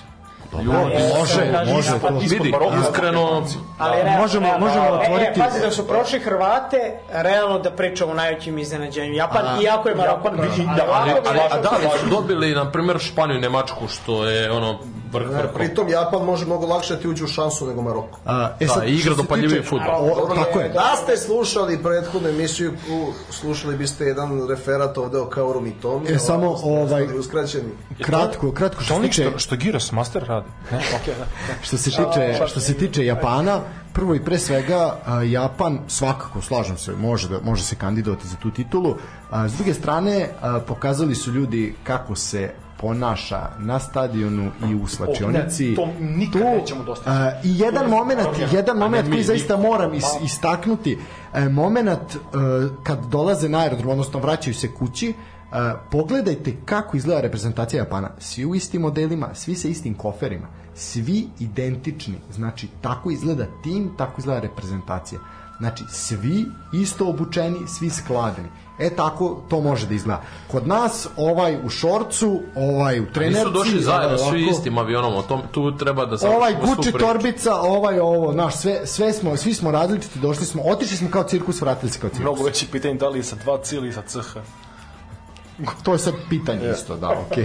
E, ne, u stvari ne, ipak je najveći overačiver, izvini, Australija. Ljudi, ne znam, na razliku Može, Maroka, ne, apsolutno ne znaju ništa i prošli su grupu, a nisu namestili kao Koreja. A čekaj, Duke, čovjek koji igra u drugoj japanskoj ligi i koji je na onako 300 konkurentni, utakmica uh, dao 20 i nešto golova i čovjek koji izdominira prvenstvo. Može, može, I kad, smo. Australija, kad ste da. pričali već o podcenjenim igračima, mora da se doda jedan od najpodcenjenijih igrača u poslednjih 10 godina, koji nije bio na toliko velikoj sceni, a mnogo zna futbola, a to je Thomas Delaney, bez kojeg Danska ne može da stvori šansu niko. Čak ni sa Eriksenom. Meni je Oni Danska, meni je Danska, na primjer, ja ću reći Danska, da se ne ponavljam. A oni su bili kao prvi da- Dark Horse, kao, svi su od njih očekivali da eksplodiraju. Odjahali su kući brže nego ikad. Pa ne, ne, nego U stilu, bre. Ja ih nisam očekivao, ali mi je Vladan Novaković radio dobru propagandu. Ne, vidi, na, na kraju dana, kako je to Kao što je rekao da će Bubenhagen Slavko 20 i, i Slavko da Labović bude najbolji glumci. finale ove godine. Znaš, tako da... To što on prognozira ovaj kontra i dobit ćete na kladionici. Tako da, ja ću, ajde, Vladan Novaković. što se tiče mene, ja ću reći svakako, svakako da je meni ajde Danska, sad da se ne bi tu ponavljale neke reprezentacije ili reprezentacije, ovaj Danska onako meni očekivao sam zaista zaista tu više, ali svakako i Belgija Da, i Srbija, da. sve se to sve se to Teši ovaj me, teši me. Da, ovaj a što se tiče što se tiče overačivera, a, negde Pa iskreno ja nisam očekivao očekivao od Hrvatske ovo i ja ću reći eto da je po meni Hrvatska onako ozbiljan overčir došli su do polufinala. Ako izuzmemo Japance, Maroko i sad to da se opet kaže ne bi ponavljali. I još jedan pomen, samo Južna Koreja. Ne, to je što... Da, Šta su, je znaš ono kao, u posljednjem momentu, Portu, o, bože, e, ispada Nemačka, Da. njihovim golom ispada... Kostarika. Ispada Kostarika. Znaš ono, Portugala... Ne bre, ne, Ne, bre. Urugvaj, Ljudi, Urugvaj i Gana su Urugvaj i. Gana, Urugvaj i Urugvaj i Gana. E, ali naj, najkomičniji, izvinjavam se, najkomičniji moment te grupe je kada se na stadionu objavi rezultat da Koreja vodi 2-1, Gana koja je do 86. minuta napadala iz svih oružja, svi vraćaju se nazad, bunker kao javor, znači, e sad nećemo, ne idemo mi, ali ne idete ni vi, znači, ono, vraćamo za 2010. ostaje. Ne, ne, ne, ja, ja stvarno utakmice Francuska, Tunis, Južna Koreja, Portugal, Da, da, kameru ne bih Tužni su. Dobro, ali iskreno, Ali zbog Francuska, Tunis, Francuska imala šanse. Ne, ne, Edi, pusti to. E, zbog utakmice Francuska, Tunis, verujem da ovaj, slušati. da ako Messi, da ako Messi prevaziđe Hrvatsku, da Francuskoj može Šta da... se mu da- ukrade novčanik na letovanju tamo, kako maziđe? Pa, pa vidi, ukrali bi mu oni, nije to sporno, ali ako, ako, prođe, ako prođe Hrvatsku, onda mislim stvarno da Francuska može da ostane baksuzna, makar i bolje igrala final. Baš zbog utakmice Francuska-Tunis, zato što je to stvarno jedna velika sramota i generalno mora da se nešto radi. To od kad su stavili ovo sa gol razlikom, mislim da je jako pogrešno, jer je svako, svaka grupa je bila podložna Okej. šteli, tako da čak pazi, ja koji nikad nisam navio za Nemce, moram da im odam jedno priznanje što nisu pustili Kostariku da ne prođe Španija, a mogu bi. Da, ne, e, to, to je istina. To je E, istina. ok, mogli su. ovo sad, ovim smo odlično završili, sad kandidujem novu temu. Uh, a to je, ne kandidujem, ja sam ovde Bogi Batina, ja otvaram temu, ovaj, a to je uh, menjanje sistema takmičenja. Znači upravo ovo, pričali smo go- gol razlike, to sve, sledeće svetsko prvenstvo, ta priča, uh, više reprezentacija, tri u grupi, još četiri azijske reprezentacije, što je po meni suludo. Znači, ono, doći ćemo do svaki savez, odnosno savez, svaka regija dobija po po ovaj, još učesnika, s tim da eto ta Azija, ono sa 4 na 8, od dole Afrika, vamo tamo, Znači, uh, po meni, mislim, šta vi vidite, kako, na šta će to ličiti, i kako su vaše težnje i želje i... Neizbežna popularizacija. Na, naš, ono, to, to, to ne može da... Ali futbol je popularizovan, nema potrebe dodatno, mislim. To da ga ti misliš jer ne, ne, ne budeš o njihovoj statistici. Ako A ne, fali, o njihovim džepovima, Ako, ono, e, upravo to. Upravo ako, to, Ako to je to. može 100 eura negde, druži, zašto, zašto Da, ne bi? ali mi imamo sad jedno četiri selekcije koje su Ma, zalutale. Burkina Faso, kida.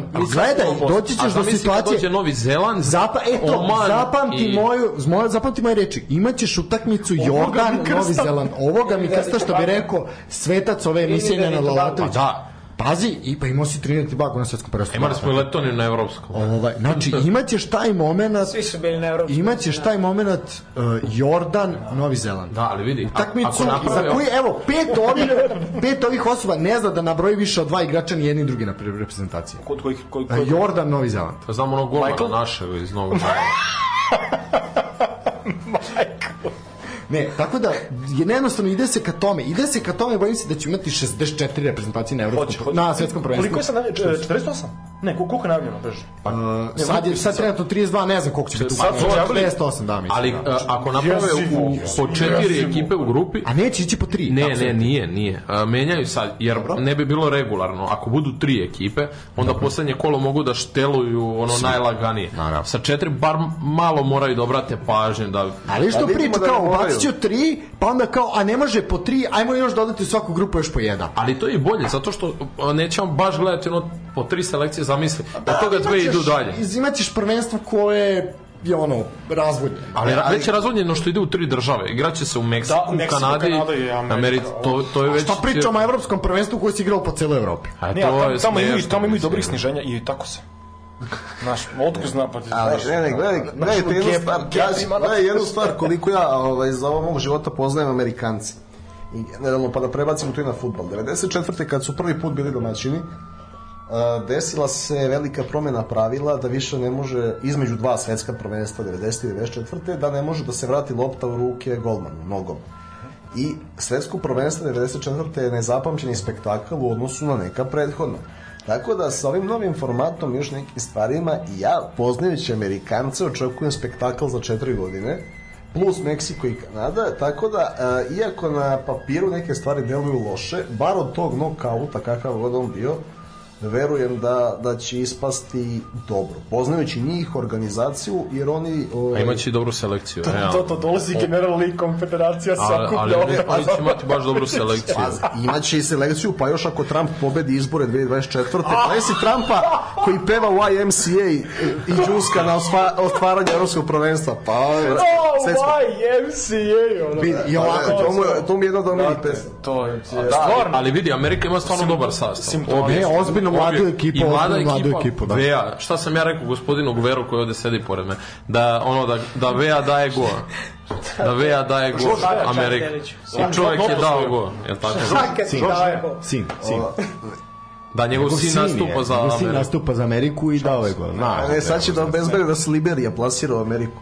E, a, ovim a, prošlim. a Liberland tamo između Apatina i Sonte, kako li? A, da, pa i oni kako je krenulo proširano da se širi evropsko prvenstvo, sigurno će igrati E, kvalifikacije. tamo ja igram.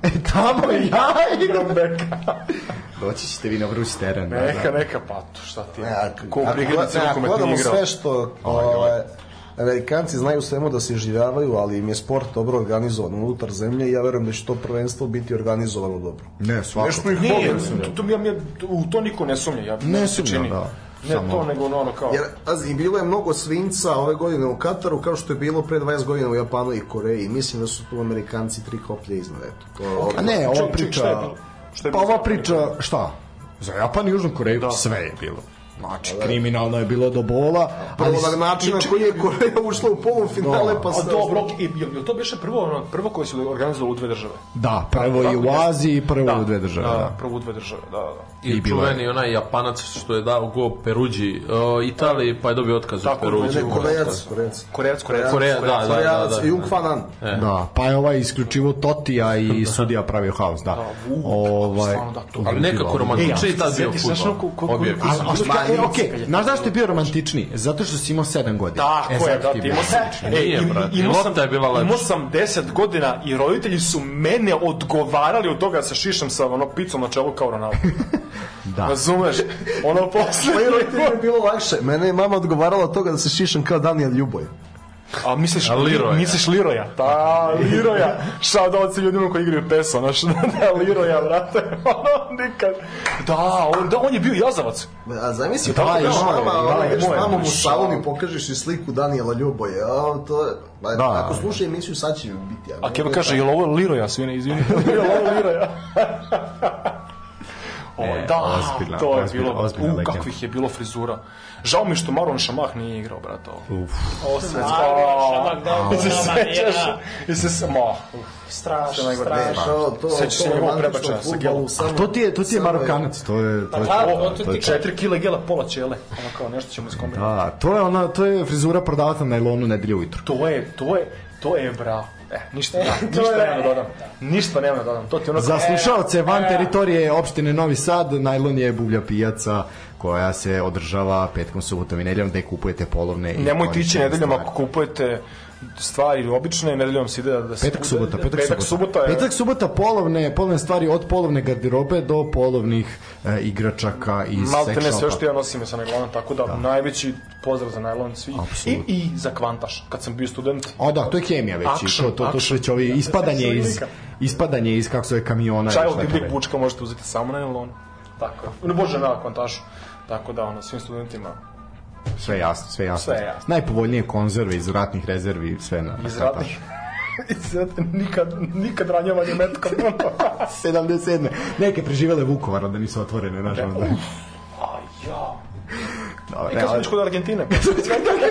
Da, a svojevrstan a, bratski derbi između Argentine i Hrvatske. To niko ne spominje da je to jedan povijesna, povijesna utakmica. Mislim da bi se tu Blago Jovović jedini pobunio. Ja, ja mislim da je to, to je dobio naziv, kako je to bio derbi Bacovskih, Bacovskih kanala, kako se već zove? Dobro, dobro. Danas, danas sam, ovaj, dok sam sedeo sa jednim ovaj, komentatorom koji je komentarisao Molim, Argentinu, komentatorom, molim te. ovaj, koji je komentarisao Argentinu tokom prvenstva na jednom meču da ga ne ima. Ovaj, upravo dok je sedeo sam mi dobio sliku Lionela Messija u- odnosno photoshopirana slika kombinacija Lionel Messi i Blagoje Jovović. Au, ja rekao, ja, pf, dobro je. Ja, meni da najviše Messi i bronzani Messi u jednom. Ja moj drugar je izneo teoriju da je Hrvatska odigrala maksimalno protiv Brazila kako bi posle pustila Argentinu da im uzvati za uslugu u prethodnih Aha, što bi rekao Šime Vrsaljko, ubili mi partizanu dedu. se- Možda zato što bi ustašao. Videli ono Argentinca navijača u invalidskim kolicima? Ne. Ne? Kad je Messi dao gol. Šta, a ustao, a to sam vidio, A, da ustao i pa, gol. da, pa gospa je pomogla. Gospa se javila. Gospa se javila iz, iz, iz Međugorje, Bluetooth dobacuje skroz onda. A kad smo kod Međugorja, javio se, ne samo Mamić. javio se gospodin koji je trener Stvarno? Međugorju, javio se Zoran Mamić, o bože Zoran, Zdravko javio se Zdravko Mamić, Zdravko pa Mamić, izvinjavam A se, se nešto mu otimaju Dinamo, a? Pa, Delo je da mu malo otimaju. Malo, malo, malo, malo su vidjeli Deluje ovi sa da su vlasti da je, da, da, da, delo je vidi iz vlasti da su osjetili da ima tu love, a? Livakovića treba prodati, a? Nije ni Bruno loš, E, ali nema... gol Brazilu. E, kao, nema menadžera, vidi, ja znam čoveka koji zna čoveka. Da. Ovo je tako. O, javio se gospodin iz Međugorja i pričao je, tako je, i pričao je, jedan opsežan intervju je bio, Uh, I sve u svemu, ajde priča o hrvatskoj reprezentaciji za toliko nije ni bitna, nego je spomenuo nas. Spomenuo je nas. I kao, pošto je Pixija, sve to u redu, naravno, da se ne lažemo, svi su oni gledali Pixija i navijali za tu istu državu, iako sad se pretvaraju da nisu, ali nema veze. E, vidi, Ovaj, jedna dobra stvar kod Mamića je što se ne folira da je bio Jugosloven i što je rekao da voli Srbe. Elem, ovaj, i kaže, Vučić, kaže ono. rekao je jednu, jednu stvar, a rekao je to da dajte Srbiji Vlahovića i Mitrovića, bit ćemo svetski prvaci. Misliš Hrvatsku? Da.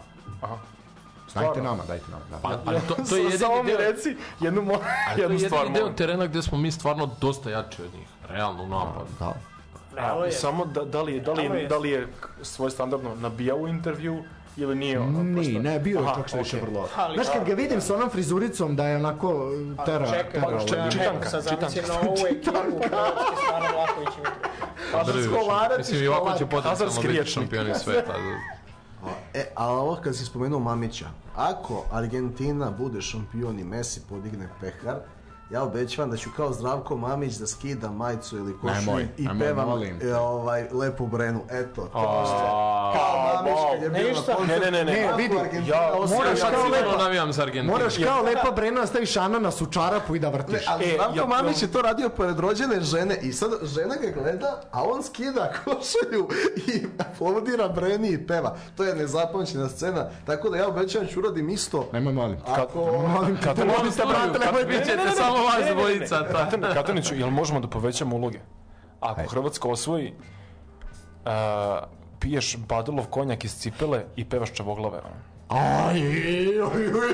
S obzirom na to da posećujem manifestaciju koja se zove Trash Quiz, znam čavoglave na pamet, Čovječe, tako da... To svi znaju. Ja ne, znam, ne želim. To je... Ne, Bravo, Deliću, vidi, poslednji na braniku otačbine. Tako je. Spremamo se. Ne, ne, Kuva se čisto, dole. ne. Čisto se zna, osim, osim, Prešjednik. osim, osim, Osim Ivice. Osim Ivice, osim zo- zovi čoveka Lipe Cvatu i Makedonije, samo čavoglavi su 7 osmina, od svih koji su bili kao top 1. A Baja? Tako da, a Bajan Mali, to je, Bajan To je Mali, devet osmina, znaš, to je... to je, to je, to je Preko- se- 17 uh, trećina, razumeš, Baja Mali, Prekucalo. Baja, je- ba, Baja je obišao ceo krug oko sunca, vratio se nazad i bio u prošlosti i Dr. došao da nam kaže čemu se radi, brate. Da, brate, zapravo je Baja ono povratak u budućnost četvrti deo. A čekaj, ali To je to, to je to. je- jedna, jedna eminentna kockarnica u Srbiji je dala ozbiljnu kvotu da će Srbija osvojiti prvenstvo i da će Baja pevati. O, A da, da, videli da, smo da, to, da, da, to je. Epski promaš. I ako uplatite preko 300 dinara dobijete i zastavu. Ja, ej, a moment navijačkih zastava je jako bio dobar. Ne, gori je, gori je, e, gori je moment definitivno. Uh, moment snimanja uh, muzike. To jest, uh, ako ste čuli jedno osam himni. Himana. Daće Himena, gol, da. Mito, Himena. gol. Himena. Osam Himana, da, da, da. Himen se teško može snimiti, da ti ja nešto kažem iz iskustva, a ovaj... Pa, Ako nemaš pravu aparaturu, Ako teško nemaš je. pravo aparaturu, teško. Ovaj, e sad uglavnom Brati, je... Juicy je imao pesmu za svetsko prvenstvo. Stvarno. Pa Da. Sam Ali znao. zato nismo prošli grupu, jer ta gomila baksuza Ja, koja se nakači na reprezentaciju kad se Dejan, izađi prvenstvo. Dejan, pusti mi Nikolu. Ta gomila Čekaj. baksuza, džus, negujmo srpski, Ana Kokić. Jovana Pa, Joksimović. na- U hotelu sa Draganom Bjelogrlićem. Ne, ja, ja mislim, pa mislim da je pravo to- akcentovanje Kokić.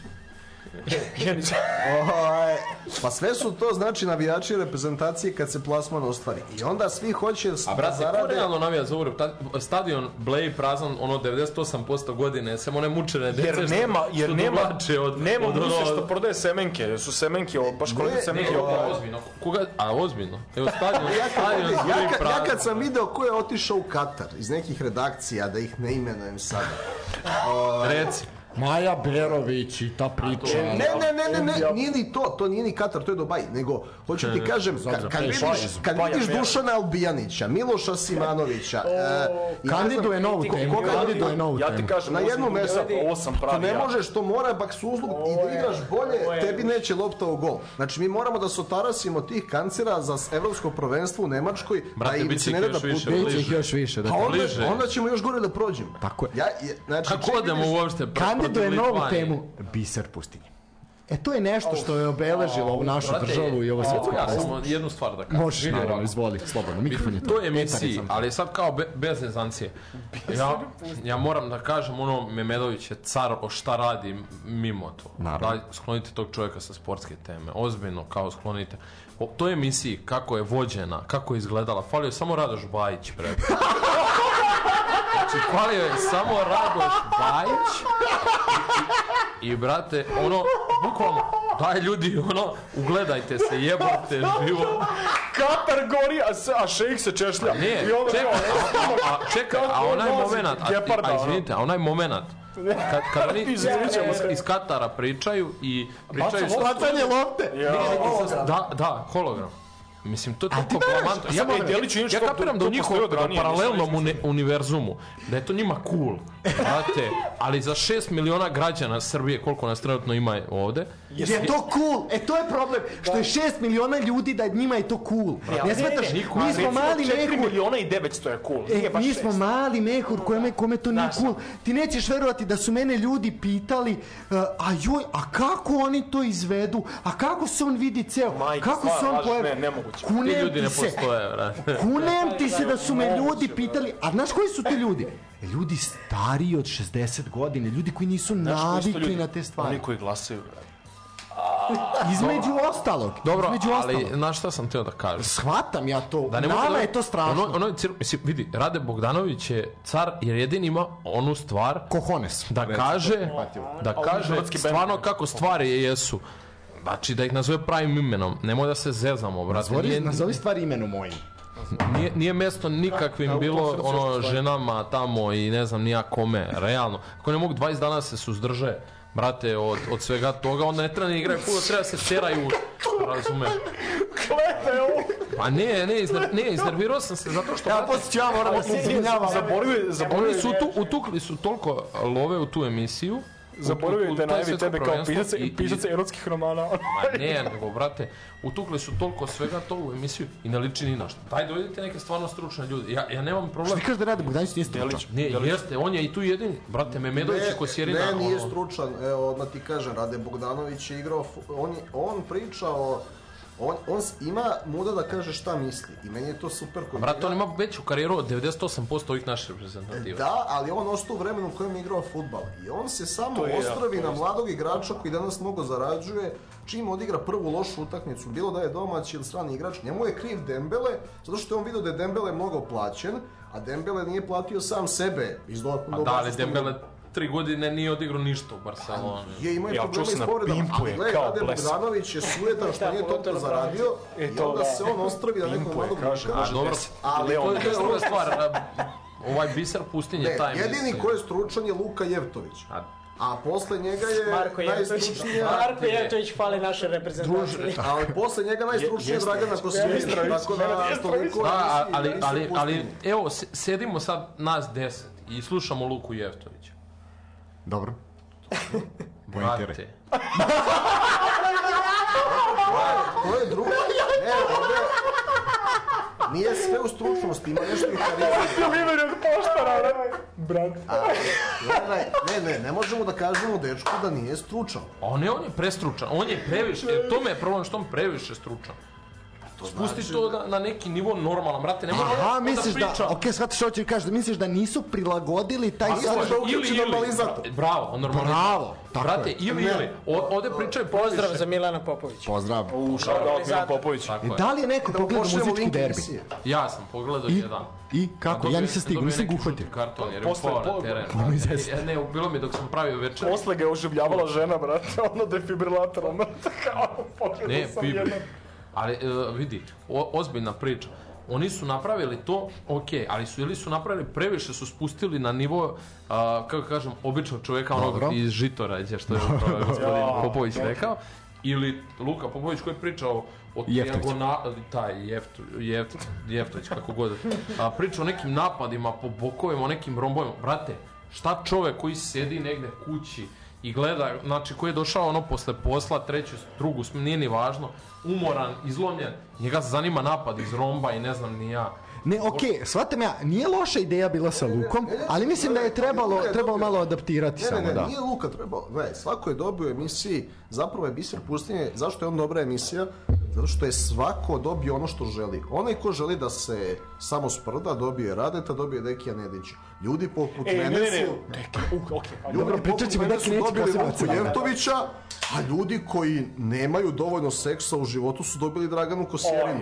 I onda, tako da je svako dobio Ali nešto. čekaj, ali vidi, jedan, na primer, Ja moram da stanem u stranu Dragane. Ne, Dragane- je Dragane Dragane emisiju, je Dragane okej, iskreno. Ne, ne, ne, ne, nije ovo, ovo sam mi, uperio, izvini, nek uđe, ne. nek uđe u zapisnik da mi oteo. Izvini, ne, ne, ne, ne, ne, sad da Crnu stravu, veli. Ovaj, ne, ne, a, to nije upereno protiv Dragana, zato što ja sam rekao da je Dragana je zapravo posle Luke pokazala da je najstručnija u emisiji. Zato što Apsolutno. I da je najviše ima- zanima to. Gledaj, da je Dragana je godinama na sport klubu iznosila te emisije sa različitim komentatorima i uz njih je učila, gledala utakmice i postavljala jako kvalitetna pitanja ko što to i sad radi. Nego ovo sam rekao zbog onih koji jako su uh, ružni komentari prema njoj, zato što... Samo zbog Bogdanovića, ono što je terala da se izvini, nije on tu ništa. Ne, nego zato što je devojka nije kriva što je lepa. E, Zato što e, nije to u fokusu. Fokus Sad je, nje- fokus je na tome da ona, osim što je zaista lepa, mnogo zna. I to treba da bude u prvom planu, pa posle njen izgled koji je fenomenalan, a zaista mnogo zna. A s druge strane, ovo što se... Stefan Bendić, promaši šest igrača na Ne, pa, ne, on je sramota za, za, za televiziju. Za, da, za televiziju. Ne, on je napravio čovjek Znači- najavu, ko, najavu sutrašnjeg kola i promašio šest igrača. E, a dobro, otvaramo Ne, ne, ali- poglavlje Dejan Nedić. Ne, ne, izvini, sad završim ovo što tamo... E, čekaj, ne, ja nikako. završavam, završavam za 10 sekundi. Nikak. Ne, Za dopusti. 10 sekundi završavam. Molim te, molim te. Ne ne, spomenuo Radoša Bajića. E, Nemoj. Gledam, Aj, brate. E, Zato što znam da ga voliš, ali e, ovaj, gledam, Uzmi ga na slavu. pazi, gledam e, treću Uzmi ga sezonu kuma. serije, gledam treću sezonu serije Ubice mog oca i napravio oni neki zaklet i vrate, sezona se završi tako što Radoš Bajić rešava ključnu stvar i kaže blago dede. Ja, ja sam hteo da se ubijem istog momenta i ovaj... Čovjek koji sebi priča u trećem licu. E, da, Molim te, Vidi, Boriću, to je Radomir Antić radio, tako da... molim te, Boriću, komentar na Dejana Nedića. E, svi koji mene poznaju malo duže od dve nedelje znaju da je Dejan Nedić moj, Duhovni otac. moj duhovni vođa. To je, to je, to je, da, spiritualista, apostol i biblijska ličnost. On je, on je sve ono što je Đoković imamo Hanđi. Ma, vidi, ono što je Četejević bio Đokoviću, to je ovaj meni. Razumeš? Tako da je on, on je sve ono što ja želim da budem. Ja, i, I samo da naglasim, da i kovanica koja se najviše ovaj, primila u narodu, koji mi je ekstremno drago, to je da Dejan Nedić je čovjek jedini čovjek na celom svetu koji sam sebi upada u reč kad priča. Ja sam to, ja sam to ovaj preuzeo i uvek kao to. autorsko pravo na kažem, ovo je rekao moj drug, moj drug Nikola Borić je da to zaista jedna od životnih istina je da je planeta okrugla, da ja. kruži oko sunca i da ne Dejan Nedić sam sebi upada u reč. To su teorije To da koje su je nepobitne. okrugla nismo sigurni, Sigurni smo po jer posle sledećeg piva biće da što onaj lift ima što u sredini, što ide. Ali nema veze. Ovaj, A, da, a taj li, na primjer, da li je zemlja okrugla pobija, pobija upravo RTS koji je bacao loptu hologramom iz Katara. da. To je najjačih dva minuta u istoriji televizije, posle sletanja Znaš, na mesec. Ne, ne mogu da objasnim čovjeku da gleda gore. I on čovjek gleda pravo i ne bi, ne bi vilama, brat. Ne bi vilama, ono. Znači, gore, e, gore, on ko gleda pravo. I staš, on kao kao baci loptu gore, njemu stigne, recimo, znaš, ono, Što to je jedan pola metra dole. A nisu ni, je A bacio? nije, pa Nije, mu je pala po nekim čudnim uglom, da ostrim uglom je padala. Baš je kao da... Znači, ja ne znam, za, za Deki Nedića, stran, šalom na stranu, mislim da je Deki Nedić toliko uh, ljudima zabavna pojava Da. na pogrešan način. Iskreno, mislim da gomila ljudi da se to, mislim da se to odnosi na Rajeta Bogdanovića. Znaš, isto, isto, isto. U manjoj meri, jer rade, e, nije toliko evidentno karak, ono, karikatura kad priča, kao Deki Nedić, naš Deki iz, naš, iz- izvedemo onu sliku iz mladosti i on kaže, jo, gde ste ovo našli pojavljateljima, tako sad si jadan, ono, ono, upljuje dok, Da, dok da, znači, ovo je slika kad sam dizao za- za o- offside, znači ide i... E, bukva, e, bukva. Znači, bukvalno. Je, čao Deki. Ovaj, znaš kao bukva, pa samo sam im podsjetio. Ali e, ima jedna stvar kod meni kod Dekija, ovaj, ra, Rade nije dobronameran prema svima, Deki je zaista dobronameran, samo se malo previše uzbudi kad neki sudija pogreši, jer zna da ima čime da se Ona, bavi. da, no, okej, da, to je, to je njegova struka, znaš, on je presrećan kad neki sudija pogreši ili donese odluku koja je bila kritična u kritičnom momentu i dobro, dobro je donešena, znači kao dobra je odluka po njegovom i on nam kaže kolega je vrhunski to odradio ili šta god, ali Znači, kolega iz Poljske, vidite, ovo, ovo, ova situacija, ovde, e, idemo, ovde, ovde Moment, za... e, to je rekao, kolega iz Argentine se nije dobro pripremio na susret između, jel Argentina, možda sam sad i odvalio, nije bitno, između e, za Šaćirija, kao naš da je on rođen vam rođu, koga bre, boli Ma briga, da, gde, mislim, znaš, ono, e, malo, malo su ga pustili i sad šta meni smeta? Ajde, okej, ako izuzmemo taj moment, čovjek se unese, sve to u redu, sve to stoji. Me, šta meni lično smeta, ide ono što, tih 5 sekundi koji napravi problem u izlaganju Dejana Nedića. A to je kadar koji se prebaci na uh, Radeta na taj sto gde oni sede. Jer se vide da oni ne mogu da se sudruže, su oni cepače kao budale. Da, I to da. onda izgleda jako ružno, jer se ovaj čovjek uneo, uneo da objasni, daje sve, sve od sebe, emocije, trud, sve, sve to stoji, on znanje koje je nesporno. To je to. I onda moment, ti prikažeš kameru, kamerom prikažeš njih koji se cepače, valjaju se, i kakav onda mi ti se kad gledalci da da oni njega sprdaju. To, to je ono što kao, ton podsmeha je očigledan. I Da, kao, evi- ma- da, malo, evidentno. malo mi je... E to je problem. Sve ostalo i toliko i nije, ali ovo je... Znaš, mislim da, da, da je to čovjek, izvini, molim te, koji je zapao, koji je više ostao u prošlosti od Radeta Bogdanovića. Ne, ne, nije on, on je ovaj, takav je, za, m, igrom slučaja poznajem, upoznao sam čoveka koji mi je Dejan Nedić bio razredni starešina, tako da Šta je predavao tehničko? A ne, statistiku. st- statistiku i pomoć. direktor ekonomske škole. Stva, uuu, ne znam ništa ovaj, aj nastavite o tome. A sećaš se one vesti koja se pojavila pred utakmicu sa Švajcarskom o tome da je uh, direktor škole u Beogradu skratio časove da bi deca kameru mogla i kameru, to je bilo za sve utakmice. Da je skratio časove da bi deca mogla da gledaju I fudbal. prvoj i drugoj. Pogađaj ko je direktor te ekonomske škole. Ja, imao sam operaciju, Nedić. operaciju zuba. Stvarno. Da, da. I bilo je, malo mu je, malo me Memedović prebacio ovaj, u to u biseru pustinju, nabacio mu je taj moment kao skraćivanja časova, jel, ali ova je to vešto izbegao. Pa ne, inače ne, Kao zapra, zapravo ovaj, ostatak, ostatak nastavničkog veća Kao se izborio- našu offside zamku. Ostatak nastavničkog veća se izborio za skraćene časove, zato što je Dejan Nedić imao ideju da nema jesenjeg raspusta, nego da se ide u školu non stop kako bi deca gledala više svetskog prvenstva. Tako da Dejanu Nediću hvala na popularizaciji futbala među omladinom, koje fali i omladina previše Ja, ide ma u gde e-sport. fali, brat, ja mislim Fali, da sad... brat. Fali zato što previše igraju igrice. Fali, niko, A- evo. I ja gledam ove dva bumera. Previše igraju igrice. Brate, ja mogu... Koje ste vi godište? 75 ili 95? Preživjeli smo lockdown i ono, stvari koje su bile nemoguće zamisliti pre pet godina. Šta, Pa da, ali kriviš ja decu, brate, da što igraju gledam igre. ono IMT. Ja mislim da se, ja mislim da se deca To je i tvoj kako problem! Pa šta nego ću igram ono WoW ili LoL. Ne, Fortnite. imaš, imaš da kupiš sa Lukom Dončićem, brate, igraš Fortnite. Što bi rekao Željko Obradović, igre. što bi rekao Željko Obradović, Bisko i ja smo se nekad samo družili. Ovaj, nismo ništa drugo igrali. Tako da, ovaj, ali gledaj, Deki Nedić je neko ko svoju struku poznaje mnogo bolje nego Rade Bogdanović svoju. Jer je Rade Bogdanović kao i mi čovjek koji zna nešto, ali za razliku od nas Rade Bogdanović misli da zna sve. I to je moj problem sa njim, zato ja ga ne bi nikad, u stvari zvao bi ga da dođe ovdje da pričamo, ali ga nikad ne bi smatrao za nekog znalca, zato što, prvo što nije... Ne, ne, nije on znalac, ali on je ljudima zanimljiv. Ali nije dobronameran. A to je sad, to je veliko, da, to je sad druga stvar, to je stvar koja Zato što ne prosječnog možeš, gledalca i ne kad zanima. dođeš na televiziju da je toliko puca sveta, ovaj, ne možeš ti da, da budeš objektiv. To je sve, to je sad već drugi, drugi problem. par rukava. Drugi par rukava, to sam teo upravo kažem. Ovaj, tako da, Uh, ja mislim da je vreme da mi možda odemo odemo na još jednu muzičku pauzu, šta vi kažete moji drugari, pa ćemo onda onda ćemo odlučiti, to je ključni moment, ključne dve nedelje, ključna dva minuta ovaj, u ovoj našoj emisiji idemo u kom smeru će Ja, ja, može se bira muzički, muzička... Ajde, tebi ću, Boriću, dozvoliti danas sve, izvoli. Može nešto mešuge. Šta? Dobro, može, može Kemal Malovčić. Ne može. Ne, Ovaj, šalim se, Motorhead kako si počeo, tako nastavi, molim te, ono. A- I nakon će sad, sad će godišnjica smrti Lemmy Kilmistera, tako da, ovaj, mislim, ajde, pošteno. ajde, može, Vidi to, može, Clash, može. sve, sve može. Sve, može, u Clash može, toga Da, imam ko hoćeš. A, dobro, može, može, ajde, usvaja se, tebi se danas sve usvaja, ti si jadan od žalosti, tebi se danas sve usvaja. Nažalost, da. E, dobro, ajde idemo na, idemo na jednu muzičku pauzu, pa ćemo, pa ćemo vidjeti onda u kom smeru će ovo sve otići. Pa šta da ja rekao, Rajo, ovaj, da, vidjet ćemo, vidjet ćemo u kom smeru će, će ovo otići, a bojim se da ide u pogrešnom i u sunovrat. Rapidno sranje nastaje ovde koji u državi. Shout out Rapid Beach, ono, ne. Nemoj. ne, nemoj. Dobro.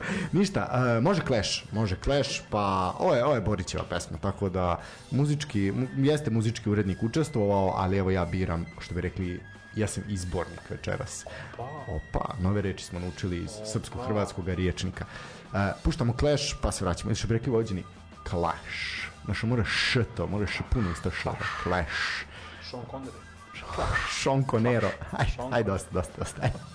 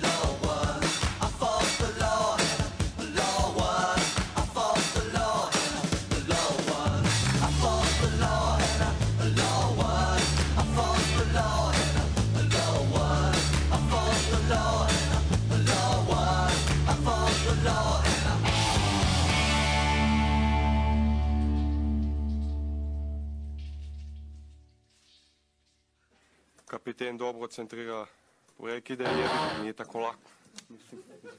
Izvinite. Izvinite, izvinite, izvinite. Slučajno je em- emocija, emocija radi.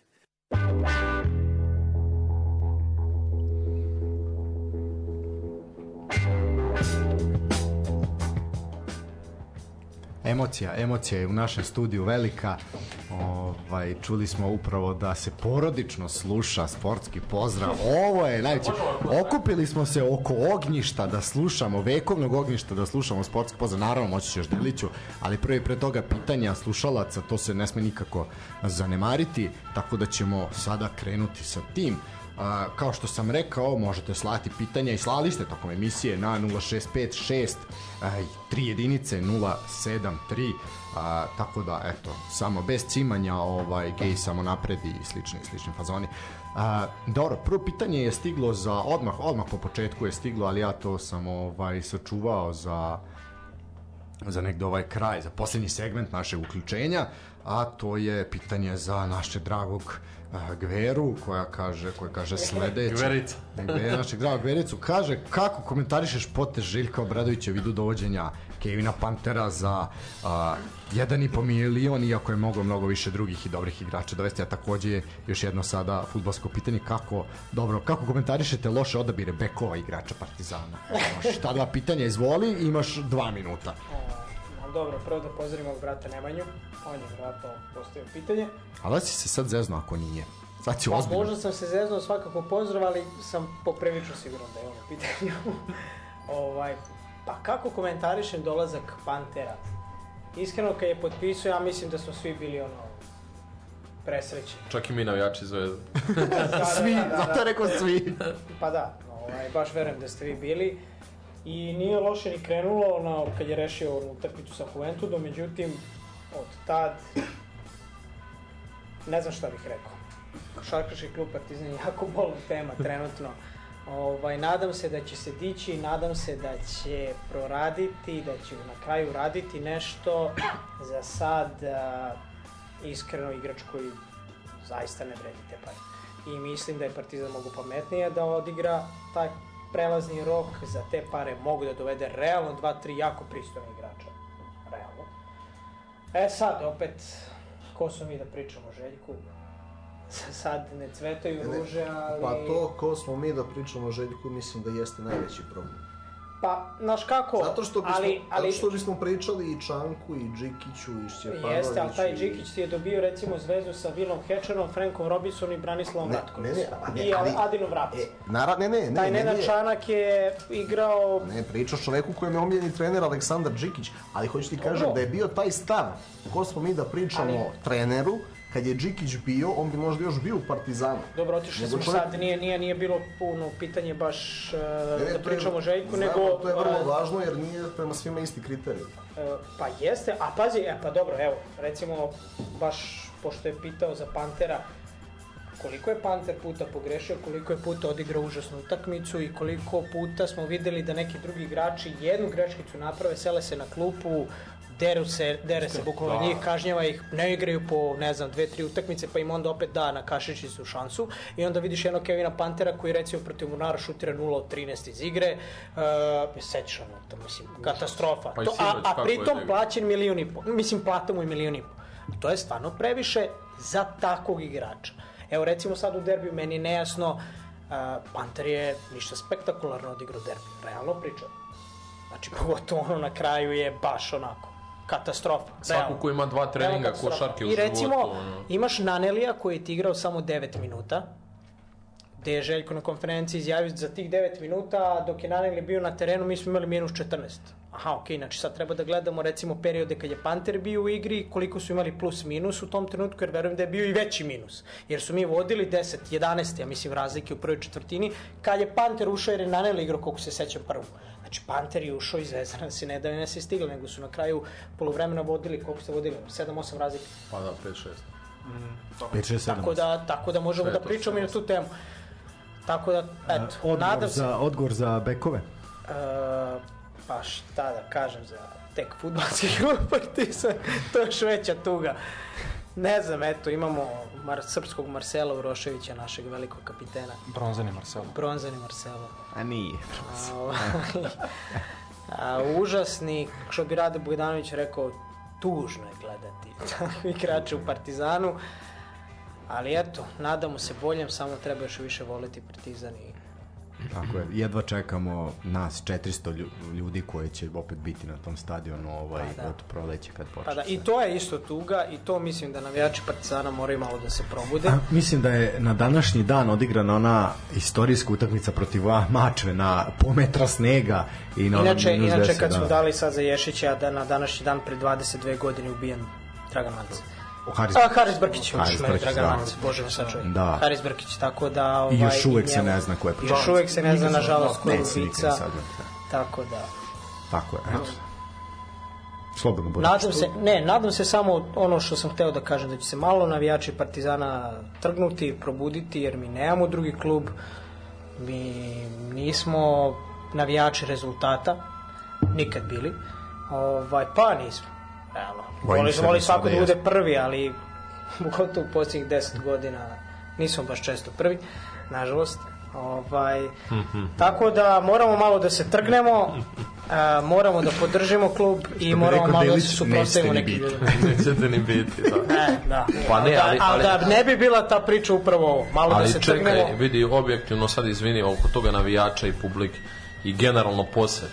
Pa malo je žalosno koliko ljudi gleda i Zvezdu sad, koja godinama navikla svoj... Tako je, e, tako je. Znači, Zvezda je navikla da ima 15.000 neki prosek.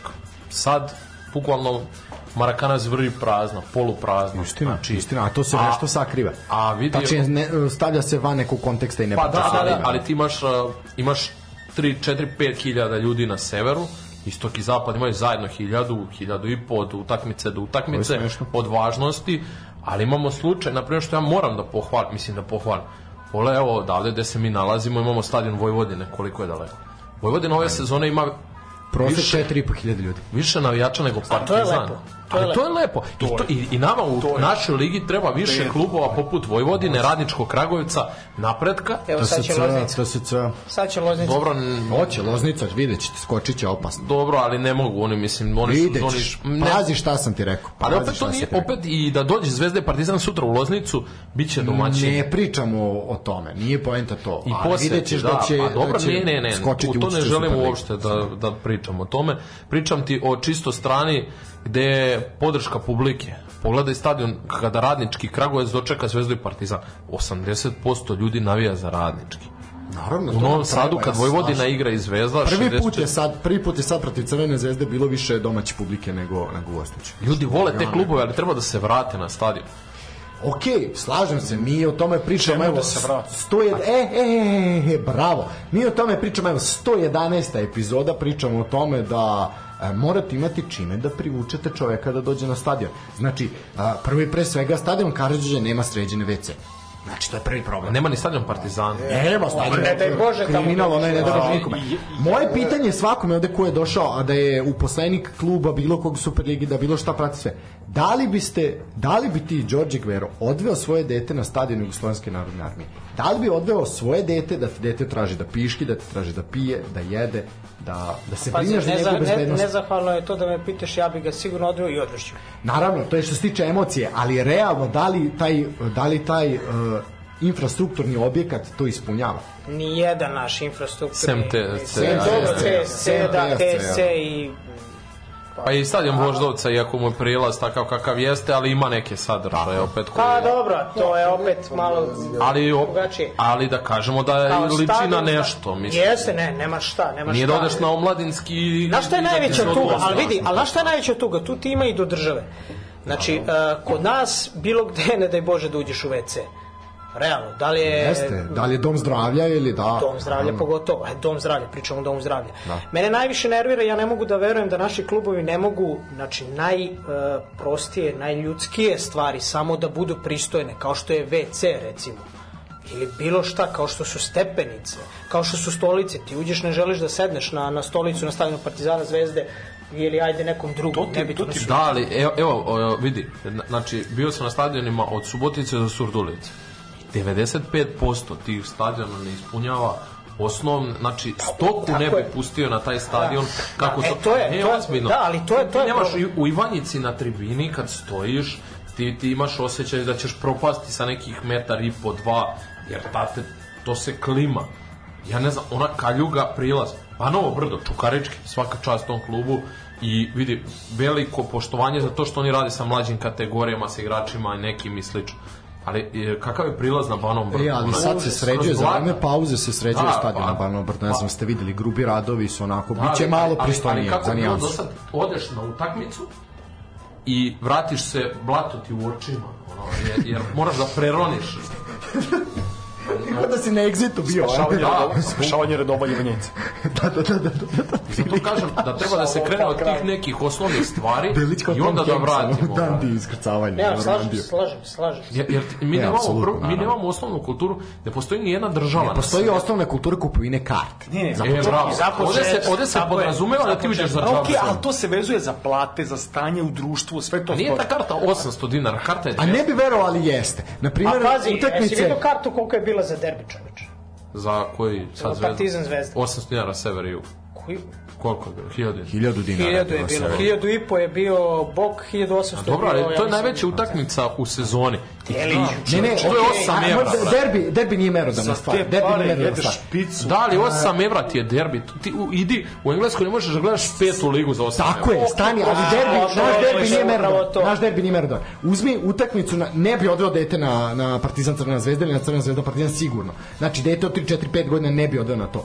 Uzmimo utekmicu manjeg Dete od intenziteta. 23 ne bi odbio. Tako, e, uzmimo utekmicu manjeg intenziteta. Partizan TSC. Znaš koliko je karta bila za istog bočna? 800, 800 dinara. 800. Centar 1200. E, To je zato što je. Partizan E, to je upravo puno. u cilju možda da nema ljudi. Ali to je isto, Naravno, ali isto. to je- e, to je ovo što Može sam ja komplete zvezde za Evropu. Ali vidi, to je- to. Ali, Jeste, čekaj, ja da, moram da stanem u odbranu. Vidi odmah, izvini. Ali ti ako si član kluba, ako si član kluba i ako pritom imaš sezonsku, tebe će Liga šampiona, tri utakmice, znači Liga šampiona za sever, izaći manje od 100 evra što nema nigde na svetu, opet da ti gledaš tri Lige šampiona, to ti samim tim potiče Sve da ti ja koji član kluba i da imaš sezonsku. Što, što ne bi nagradio nekog, pa ti ljudi koji hoće da dođe da gledaju samo Ligu šampiona, oni ni ne zaslužuju nego da ih odereš sa 30.000 dinara cenom karata. Po meni. I- Dobro, ja slažem s tobom. Gde su ti Ja ljudi? Slažem s tobom. a, Ne kažem da treba da dolaze, mislim, treba da dolaze svakog vikenda, ali ne kažem da je to njihova obaveza. Ali ako ćeš da gledaš, a, ne znam, Partizan, Liverpool ili Zvezda, Real Madrid, pa onda budi faca, dođi na Vojvodinu, na TSC. mislim da je porediti, porediti utakmice naše, naših klubova u Evropi pogrešno, što se tiče publike. Jer Ne mislim će... samo na cenu karata. Ne, ne, na ne, jer će beogradska publika i publika naravno ljudi i navijači iz unutrašnjosti i svega doći na tu evropsku utakmicu jer će 70% stadiona doći zbog tog protivnika koji dolazi, a ne zbog kluba. Jer ti isti navijači da dolaze zbog svog kluba došli bi na Javor, došli bi na TSC, došli bi na samo, mogu samo, toga. mogu samo da ti izviniš. sa- sa- evo, samo rečenicu završavam. Po meni nije problem toliko možda cena karte. Po meni je problem a, sadržaj, odnosno propaganda. Znači, ti imaš konstantnu e, medijsku torturu u kojoj se nalazi naša liga, to je jedno blato kojim nas zasipaju, i ne blato, nego i ono drugo I izlučenje. preteruju, hiperbolišu. Naravno, znači, majde malo to, to je poent ove emisije, zato ona postoji 111 epizoda, jer razgrni blato, kog zaista postoji, jer se natrpava svih stran, sa svih strana, imaš ti tu pozitivne stvari. Pa možeš da odeš da gledaš TSC, pa možeš da odeš da gledaš Vojvodinu ove sezone, pa možeš da gledaš Voždovac, pa možeš da gledaš Kolubaru, pa tako dalje, pa tako. Ja savjetujem svako, vikend jedan, uputite se u Topolu, uđite na stadion. Uputite se u Lazarevac. Ja sam bio u Lazarevcu, bio sam gost Kolubare na utakmici Kolubara Mladost Lučani. Znači, možete svi smejati, ali ja sam video a, 500 dece koje sa takvim osmehom u licu, na licu i takvim žarom u očima u dresu svog kluba su došli da bodre svoj klub protiv mladosti iz Lučana. E, to je nešto što će nas sačuvati. To je nama potrebno i u Subotici, i u Surdulici, i u Ivanjici. Da, ali, ali, ali ti se. nemaš tu taj tu bazu u Ivanjici. Ivanjica ima, mislim, u, u svom poštovanju bez uvrede, ima 10.000 stanovnika i, i nema tu istoriju. Gde nam je proletar iz Renjanina? Znaš, e, ja kažem, Sombor veliki grad, Mitrovica moja, Srem. Mi, mi imamo sad ra, radnički, imamo u prvoj ligi, ljudi u Mitrovici navijaju za Srem, ljudi vole Srem, ne navijaju za radnički. Kapiraš? A gde su ti centri? Mislim, ja sad pričam o Loznici, znaš, Pirot igra treću ligu, Pirot kad je ušao u ovu drugu ligu, znači u prvu ligu, je imao 2, 3, 4 hiljade ljudi. Dinamo Vranje, da ne pričam. Mislim, na stranu sve ko, je, ko bi Dinamo tišao Vranje tim su klubom. ubili Mađari to. to je na izborima pokazano. Da, ali da ne ulazim u to ko tu se nalazi u tim klubom i sve to. Nama više treba centara i više ljudi koji vole fudbal, koji će doći da gleda. Jer Okej, e, gdje nama nije u interesu da. Zvezda gostuje i Partizan u Ivanjici, Lučanima i ne znam ni ja gde. Interesu nam je da gostuje negde gde je vruće, gde može da se oklizne, jer onda kad odu u Evropu i Dobro, može da okej, se okay, zato tvoja teorija onda dolazi do ključnog pitanja. Da li onda mi imamo prevelik broj klubova u ligi? Pa naravno. I imamo, imamo, ali vidi, samo da ti Ali kažem, kako še- ćeš očuvati futbalske centre, izvini Đole, kako ćeš očuvati futbalske centre ako smanjiš broj klubova u ligi i izbaciš te futbalske centre? Kako ćeš ti njih onda Ja se mogu da ti kažem odmah kako. Kako? Zato što nećeš praviti srpsku ligu, grupa istok, zapad, ne znam ni ja. Nema para u tome. Pa ne, ali ako bi mi smanjili profesionalni prvi, to je Super ligu na 12 klubova. U drugoj imamo isto 16, to jest u prvoj ligi, jel tako? Dobro, srpski čempionšip u redu. Da, znači smanjimo isto na 12. Dobro. I napraviš srpsku ligu sa koja će donositi Okej, neki je sa većim da su, ti vrlo dobro znaš, da su klubovi u trećem rangu poloamaterski. Da, ali ne bi onda sad imali u trećem rangu bi imao klub koji sad igra na nivou uh, Taj klub ti, bi ti se posle dve godine, ukoliko ne uđe u prvoj ligi, ugasio. To je već problem na nivou države i funkcionisanja ali ti onda ne možeš, pa za, tako je zato što nemaš sponzorstvo, sponzorstvo nižih liga i ti ćeš tu, ti bi tu izgubio, izgubio te futbalske centre. To jeste odluka bila Futbolskog saveza crtica naše države da se zato liga ne smanjuje nego da ostane takva kakva jeste upravo da bi e, dobijali pare u Superligi i da bi oni opstali. Ko Zlatibor Čajetina, ono, koji gleda 13 ljudi. Ok, ali sad imaš slobodu Užice koja treba da uđe Sloboda jer je- treba i to nije sporno, ali je sporno Zlatibor. Mislim, sporan. Oni su se tu našli u tom momentu, razumeš, opstali su zbog korone, opstali su koji Bačka Palanka i, i slične, i slične priče. Bez obzira što je ono, mi imamo puno drugara iz Bačke Palanke i to je jedan lep gradić gde mi volimo da odemo i da se vratimo čitavi da nam ne izbuše gume. Ovaj, tako da, ali jednostavno je tako, tako bilo.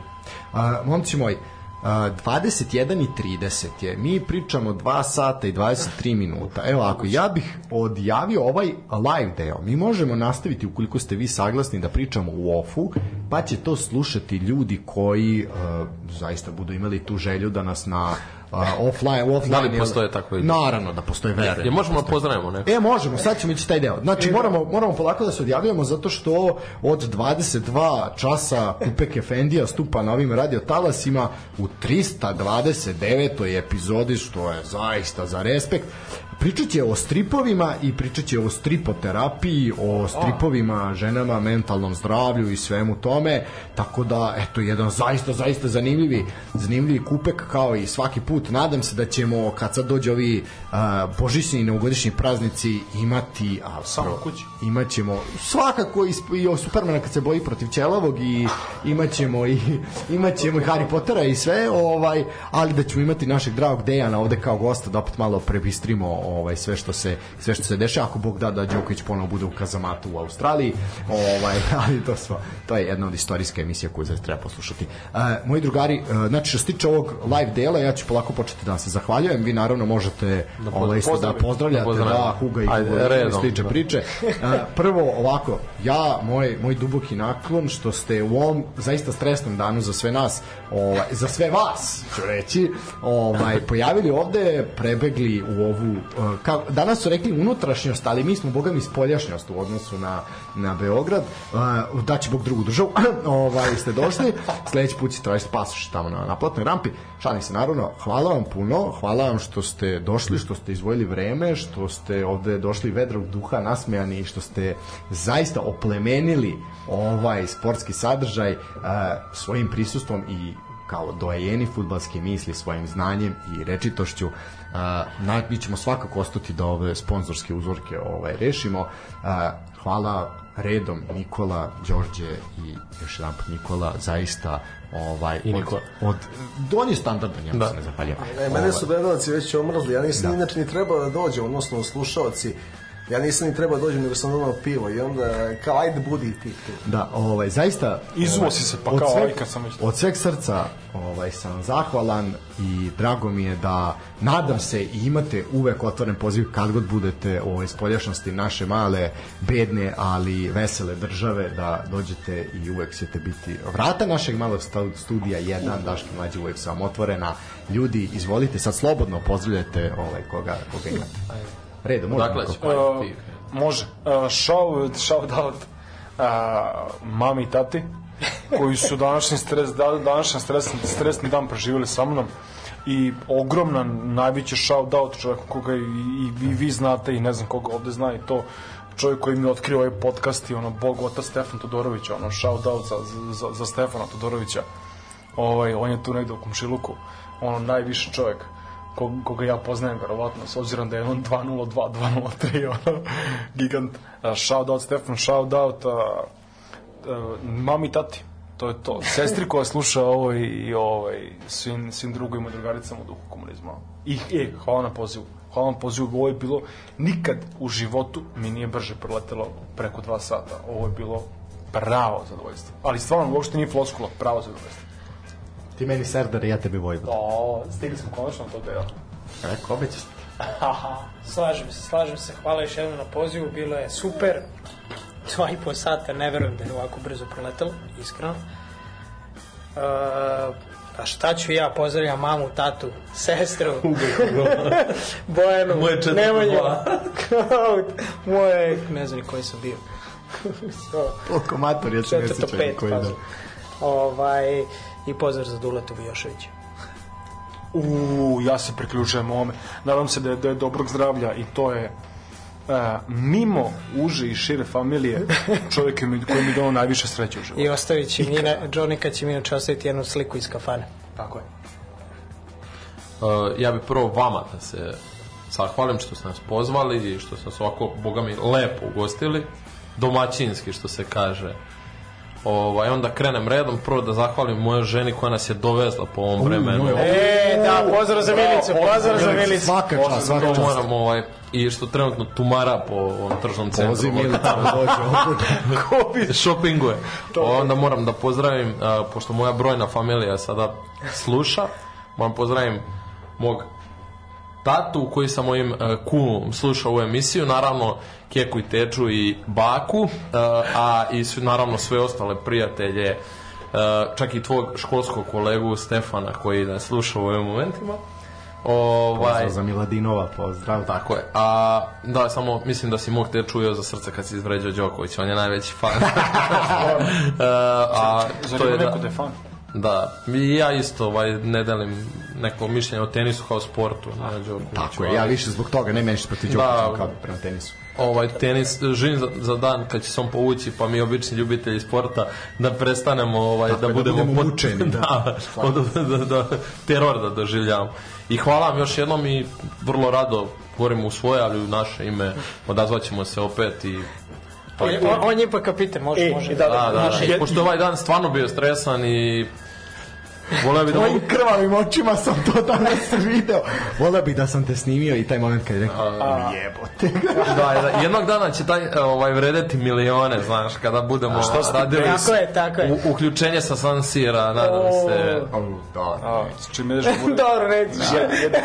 E, samo kad čuo sam u, u toaletu sam čuo pitanje za, za samo, samo dam za, za Kevina Pantera iz Obradovića zove pare i ovo samo sam htio da kažem, brate, tražili smo bek šutera, a ne beka pogađača. Tako da on šutira dok mu ruka ne utrne, a to što pogađa nije ni njegov ni naš problem. Dobro, dobro, lepo. Frank Robinson, ček, čekaj, Frank Robinson ili Kevin Panther? Kevin Franklin, Franklin Robinson je Frank, čovjek, bolotac. Franklin.